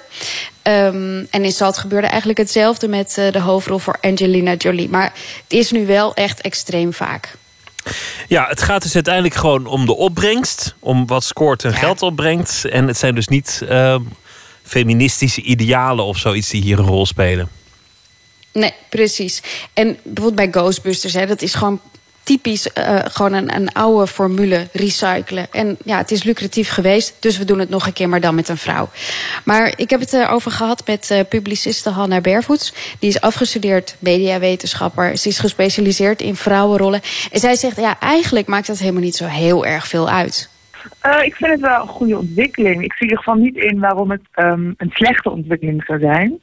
Want uh, nou Hollywood-producenten zijn natuurlijk niet uh, hier om de wereld te verbeteren. Ze zijn erop uit om. En blijkbaar is gebleken dat vrouwelijke actiehelden het goed doen aan de kassa. Maar ik denk dat uh, diversiteit meer geaccepteerd wordt wanneer het voortkomt uit marktwerking dan wanneer het voortkomt uit een, uit een opgelegd beleid. Omdat diversiteit eigenlijk minder verdacht maakt op deze manier. Ja, en eigenlijk zegt zij: diversiteit in films en televisieseries is eigenlijk gewoon altijd goed. Ja, ja, ja de wereld uh, is in films jarenlang gezet door blanke hetero-mannen. Dus ik denk dat ja, nu wel uh, tijd is voor nieuwe actiehelden. En ik denk dat het publiek daar ook uh, heel erg naar vraagt. Um, ja, de minderheden, zogenaamde minderheden, vormen samen een meerderheid. Ik bedoel, het grootste deel van het bioscooppubliek is op dit moment geen heteroseksuele blanke man. Dus waarom zouden we daar met z'n allen altijd maar naar blijven kijken? Ja, maar Floortje, jij zelf schrijft uh, ook nog wel eens voor uh, de, de kranten. Daar heb je nog wel eens een kritisch stuk over Hollywood en de emancipatie uh, geschreven. Tuurlijk, tuurlijk. En ik, maar ik, heb, ik moet wel eerlijk zeggen, ik heb toevallig laatst allemaal um, James Bond films teruggekeken om te kijken hoe die meisjes, die Bondmeisjes daarin nou worden neergezet. En dat is natuurlijk allemaal hartstikke seksistisch. Alleen toen ik die vrouw zag toen ik jong was, dacht ik, dat zijn wel vrouwen die werken voor geheime ruimteprogramma's of zijn astronaut of, of, doen iets anders heel stoers. En dan daaraan zie je eigenlijk ook wel dat vrouwen meer mogelijkheden hebben in plaats van alleen de geëikte tuttige tuttebelletjes. En zo werkt dat eigenlijk ook bij, uh, bij de Ghostbusters, vindt Hanna.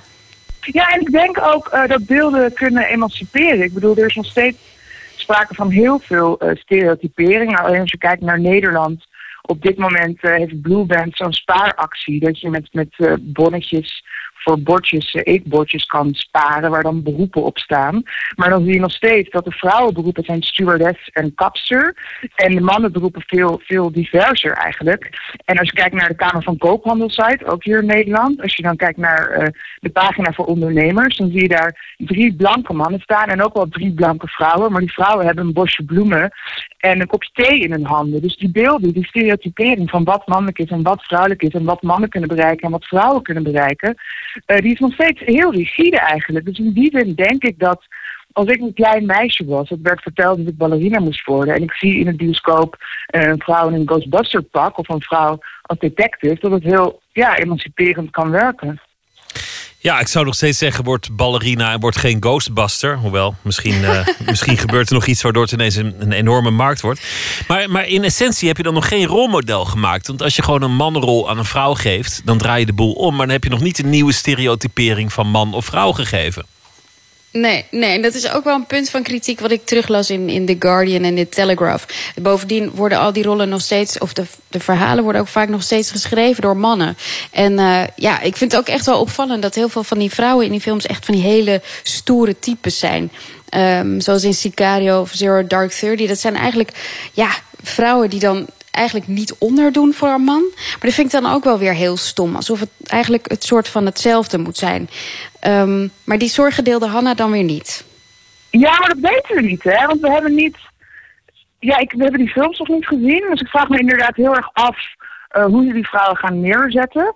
Maar ja, dan nog zijn er niet. Je hebt niet een bepaald type vrouw. Ik denk vaak dat vrouwen onderling vaak nog meer verschillen dan vrouwen en mannen. Qua dat die, dat die spectra zo. Uh, zo groot zijn. En dat kan je natuurlijk ook zeggen van de mannelijke actiehelden op dit moment. Die zijn allemaal ook vrij eentonig qua dat ze gespierd zijn, een flinke kaaklijn hebben, nogal stoer zijn en hetero. Dus ja, dat, dat is ook. Ik zou het jammer vinden als de vrouwelijke actiehelden dan in het, in het beeld van vrouwelijkheid zouden passen. En misschien worden ze nu dan heel mannelijk, maar dat betwijfel ik. Maar ja, ik, ja, ik vind het juist wel dat daar ook wel ruimte is voor subversiviteit als ze, als ze mannelijke eigenschappen krijgen.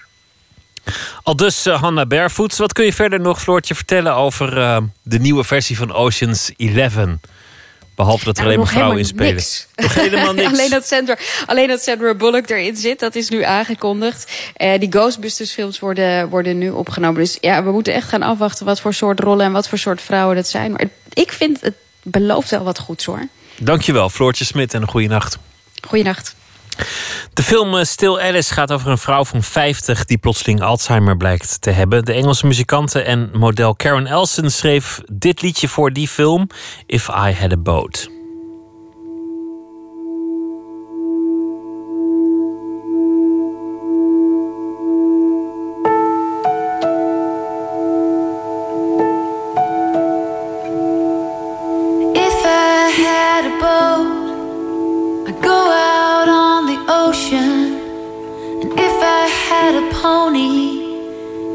Ride him on my boat, and we could all together go out on the ocean. Set me upon my pony on my boat.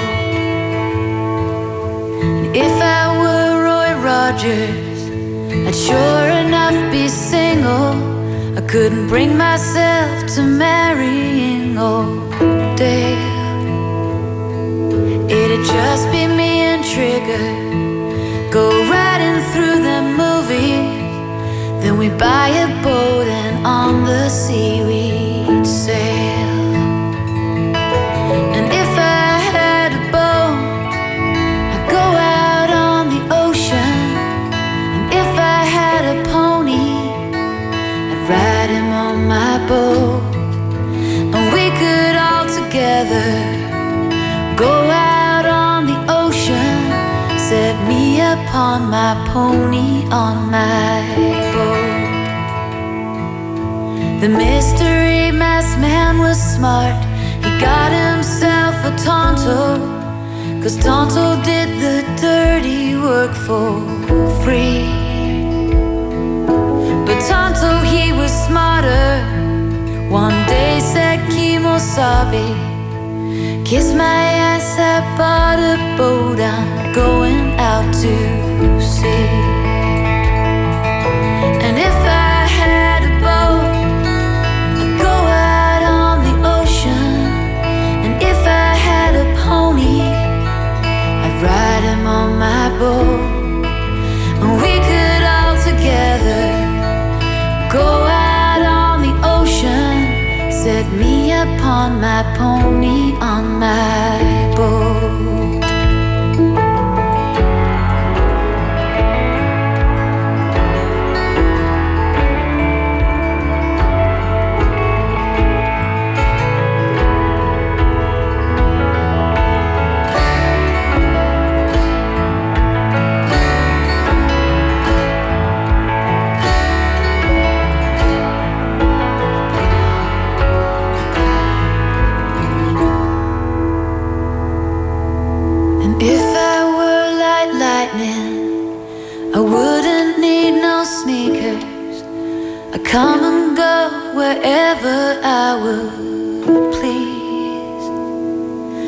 Scare him by the shade tree, I'd scare him by the light pole. But I would not scare my pony on my boat out on the sea.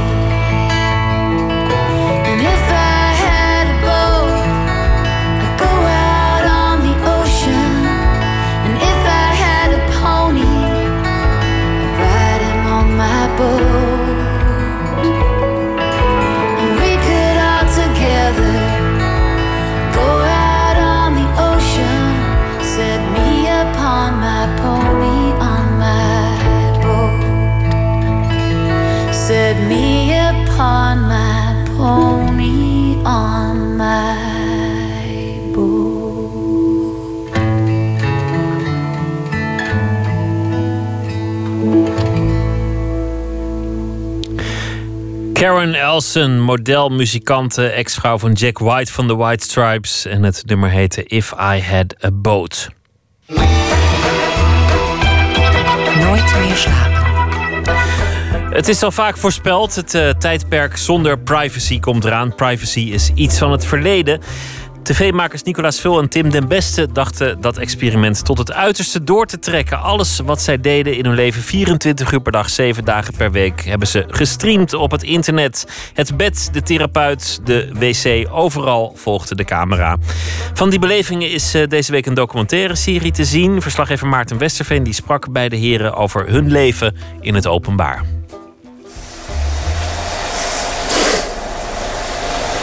Lekker niet stoppen. Ik moet er echt niet aan denken om door te gaan. Het is toch verschrikkelijk. Kom eens hier. Liefie. Crazy. En zo eindigde het experiment Super Stream Me. Met twee huilende volwassen mannen. Ik was daar overigens veel eerder mee begonnen als ik in de schoenen had gestaan. Nicolaas Veul en Tim de Beste moesten voortijdig hun permanente aanwezigheid op de webcam opgeven. De idee dat ze constant werden bekeken door anderen werd ze te veel. Ik sprak Tim en Nicolaas kort voor de première van hun televisieserie over hun ervaringen. Mijn kont was uiteindelijk geëindigd als bureaublad van een fan. En die had dat- dat weer getwitterd. Ja, eigenlijk denk je, serieus, doen mensen dit? Maar daar moet je eigenlijk ook een beetje om lachen. Ehm privacy schending gaat helemaal niet over dat je opeens je bankrekeningnummer kwijt bent. Dat je blote piemel op het internet staat. Het gaat over het, de dreiging dat de ander altijd meekijkt en je beoordeelt. En ehm, dat er geen moment is waar je terug kan vallen op jezelf. En dat je langzaam toch een soort van kern van jezelf verliest. Eh, ja, we wisten niks. We wisten niet hoe het zou aflopen of hoe het zou gaan. Eh, natuurlijk wel dat er iets zou gaan gebeuren, want het is een hele rare situatie. Eh, het zou gek zijn als er niks verandert. Dat je gewoon je leven leidt, maar toevallig met een camera. Ehm, maar dat het is afgelopen eh, zoals gebeurde, ja, dat wisten we echt pas op het moment zelf. Sterker nog, een paar dagen voor het einde kregen we een beetje vanuit de redactie en de VPRO de vraag van ja, hoe zullen we hier nou een einde aan gaan breien? Want daar hadden we eigenlijk helemaal niet over nagedacht. Niemand. Weet je wel, gaan we, weet ik veel. Dan Nicolaas en ik nog bedacht, ja, misschien moeten we een soort met dat we dat we met, met sterretjes eh, vuurwerk in beeld gaan staan. En dat we dan gewoon wachten tot het sterretje voorbij is. Wat dan heel lang duurt. En dan daarna zetten we de camera. Wel allemaal zo dat soort dingen bedacht. En toen ging het mis. Maar eigenlijk ging het dus toen wel goed. Want toen ja, was er gewoon een soort natuurlijk einde. Een soort zelfmoord bijna. Oké jongens, over liefde. Let op. Eh, ik geef maar één keer, één keer mijn nummer. Eh, bel nu, eh, bel ons. Ehm, het nummer is 06 18 92. We hebben al nu al een beller. Hallo beller. Ja maar bro, het is te veel. Oh nee, nee, nee, nee, maar kijk, hij ontploft. Dit zijn allemaal... Er worden heel... Nee, nee, nee, niet allemaal tegelijk bellen jongens. Dit is gewoon een mobieltje. Het Stop met bellen. Eén iemand moet bellen. Even stoppen nu met bellen. Nu is het niet leuk meer. Hallo? Je hebt eigenlijk twee dingen. Je hebt altijd dat aandacht, altijd bekeken worden. Eh, altijd het idee, wetende dat, er een, dat je met alles wat je doet, dat je een publiek hebt. Ehm, dus eigenlijk het soort narcisme van deze tijd. Van, hey, kijk mij nou, ik sta op een platform, ik sta in de spotlights. eh, vind je me leuk, ja of nee? Aan de andere kant heb je geen plek eh, om je terug te trekken. Je hebt geen safe zone. Die twee ingrediënten, eh, namelijk dat je nooit kan terugtrekken, dat je altijd dus op dat podium moet staan. Aan de andere kant kunnen mensen dus altijd wat van je vinden. Eh, bouwt zo langzaam je immuunsysteem af. En, en letterlijk je, of je schild naar de buitenkant en alle muren worden opgegeven. En dan blijft er eigenlijk gewoon bij mij niet zo heel veel meer over. Eh, behalve iemand die enorm naakt is en kwetsbaar. Ehm, en eigenlijk een kant die ik het liefst met heel weinig mensen zou willen delen. Ik had ook, ik had een, eh, misschien is het helder als ik zeg, eh, ik had een nachtmerrie.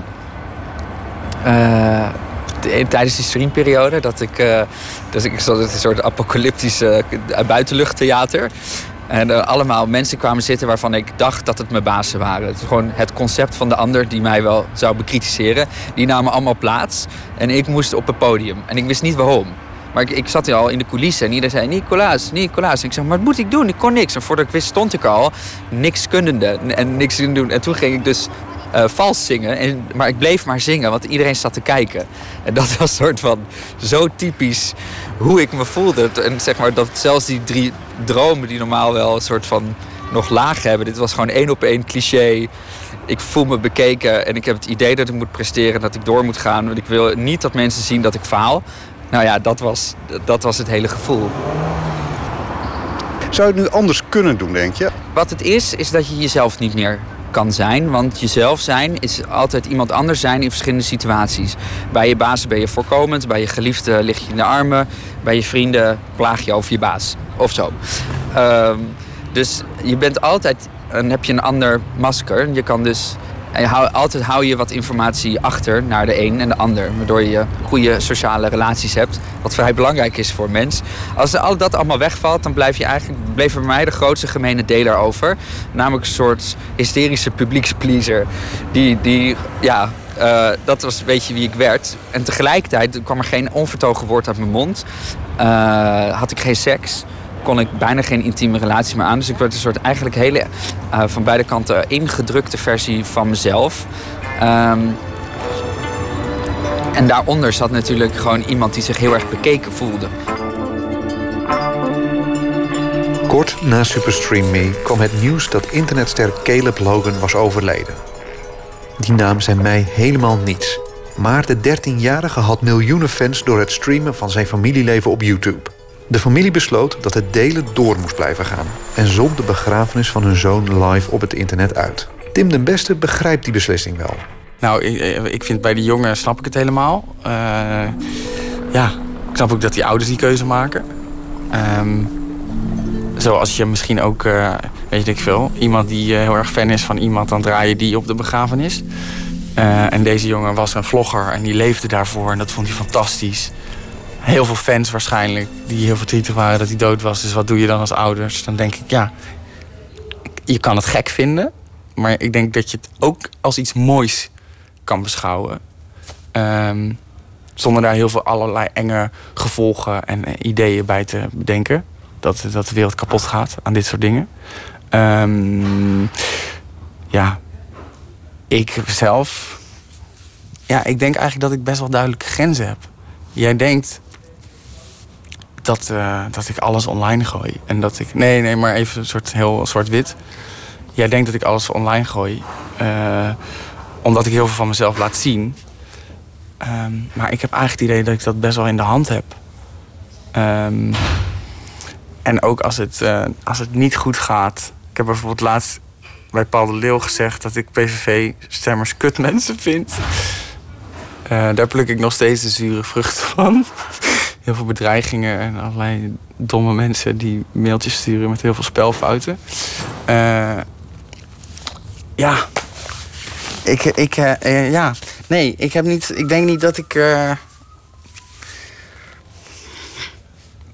ik zou niet mijn, niet mijn begrafenis laten streamen, maar. Ja. Er is genoeg Tim om te delen. Ja, weet ik veel. Ja, misschien ben ik gewoon. Kijk, maar dat is altijd gek. Ik denk dat als ik door iemands anders ogen. Kijk, ik, ik, kan niet, ik kan niet zien hoe ik ben, omdat ik alleen maar in mijn eigen hoofd zit. Maar ik denk inmiddels wel dat ik natuurlijk wel een beetje eh, een eh, rare ben. Of zo. Snap je? Eh, hier, zoals jij nu af en toe naar me zit te kijken. En denkt, ja, ik, snap ik die jongen nou of snap ik hem nou niet? Ehm, ik- ik denk dat heel veel mensen mij zouden kunnen omschrijven als een soort super exhibitionist. Want eh, documentaire gemaakt dat ik met een meisje naar bed ga. Nu mijn leven 15 dagen livestream. Ik schrijf allemaal columns, ik zet allemaal tweets, ik maak allemaal foto's. Het gaat de hele tijd over mij, over mij, over mij. Ik moet, ik, ja, ik heb natuurlijk een hartstikke groot probleem. Maar ik zie, ja, treurig genoeg zie ik, ja, ik, ik zie het niet zo. Ik denk eigenlijk dat ik het wel mijn ratje heb, meestal. Tim lijkt de ervaringen van de constante aandacht van zich af te hebben geschud. Voor Nicolaas Veul duurde dat wel langer. Ik had heel veel stress. En eh, nadat het project was gestopt, en toen dacht ik ook, oh, nu ben ik vrij, nu ben ik weer blij. En dan ga ik weer seks hebben. En dan ga ik weer leuke dingen doen met mijn vrienden en mijn vriendje. En het grappige is dat ik nog, ik had nog helemaal geen schild opgebouwd. Dus elke blik die zij deden die iets neigde naar iets kritisch of dat ze iets niet leuk vonden, die las ik verkeerd en die betrok ik op mezelf. Dus ik was nog heel erg aan het varen op de verkeerde dingen en ik had heel veel stress. Gewoon s'nachts nog. Dus ook nachtmerries over. Ik had één nachtmerrie, dat was ook zo debiel. Eén nachtmerrie dat ik eh, was door een soort schacht aan het rennen en ik zocht een bedje. En toen zag ik een bedje en toen was ik alle deuren aan het barricaderen en buiten was het oorlog. Echt gewoon oorlog. En toen had ik alle deuren op slot. En toen dacht ik, oké, hier blijf ik de komende tijd. Ik ben veilig. En toen was Katja Schuurman aan de deur aan het kloppen en die zei, we moeten een programma maken. We moeten een programma maken. Als een soort van icoon, zeg maar de aandacht klopte aan de deur terwijl ik wil, wilde schuilen. ik weet niet, vond het ook wel heel grappig voor mijn brein dat hij dat dan zo vertaalt. Maar het- dat waren wel dingen die ik nog, waar ik mee bezig was toen ik klaar was met eh Superstreamy. Oké jongens, ehm, dit is het moment dat we, het is klaar, die koek is op. En ehm, bijzonder raar dat jullie allemaal gekeken hebben. En, ehm, maar ook zonder jullie was het experiment er niet. En ik hoop eh, dat jullie soms wat vies hebben gevoeld. Vies? Heel vies. Dat jullie heel vies peuken. Dat jullie zo hebben gekeken. Ehm, maar ook, ik vind het ook heel leuk. En, en het was ook wel echt bijzonder om al die berichtjes te krijgen. Ehm, het heeft me ook wel heel erg... eh, ja, wat heeft het gedaan? Ik weet niet eens wat het echt heeft gedaan.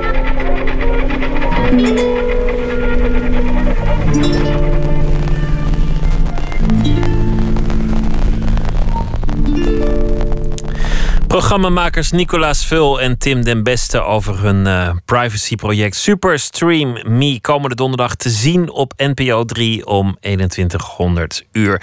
Dichter en beeldend kunstenaar F. Starik heeft meer dan 10 dichtbundels gemaakt, waarvan de laatste staat komende woensdag gepresenteerd zal worden. Deze week zal hij eh, gedichten uitkiezen ook van anderen en voordragen. En deze nacht heeft hij gekozen voor een gedicht van Paul van der Steen.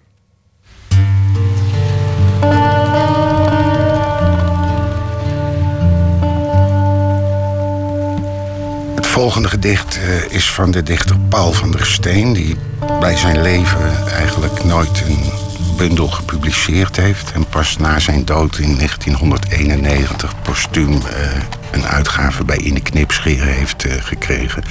Ik was een van de bezorgers met onder andere Pieter Boskma, Jan Heijn de Nobel en Rob van Erkelen. Dus een titeloos gedicht.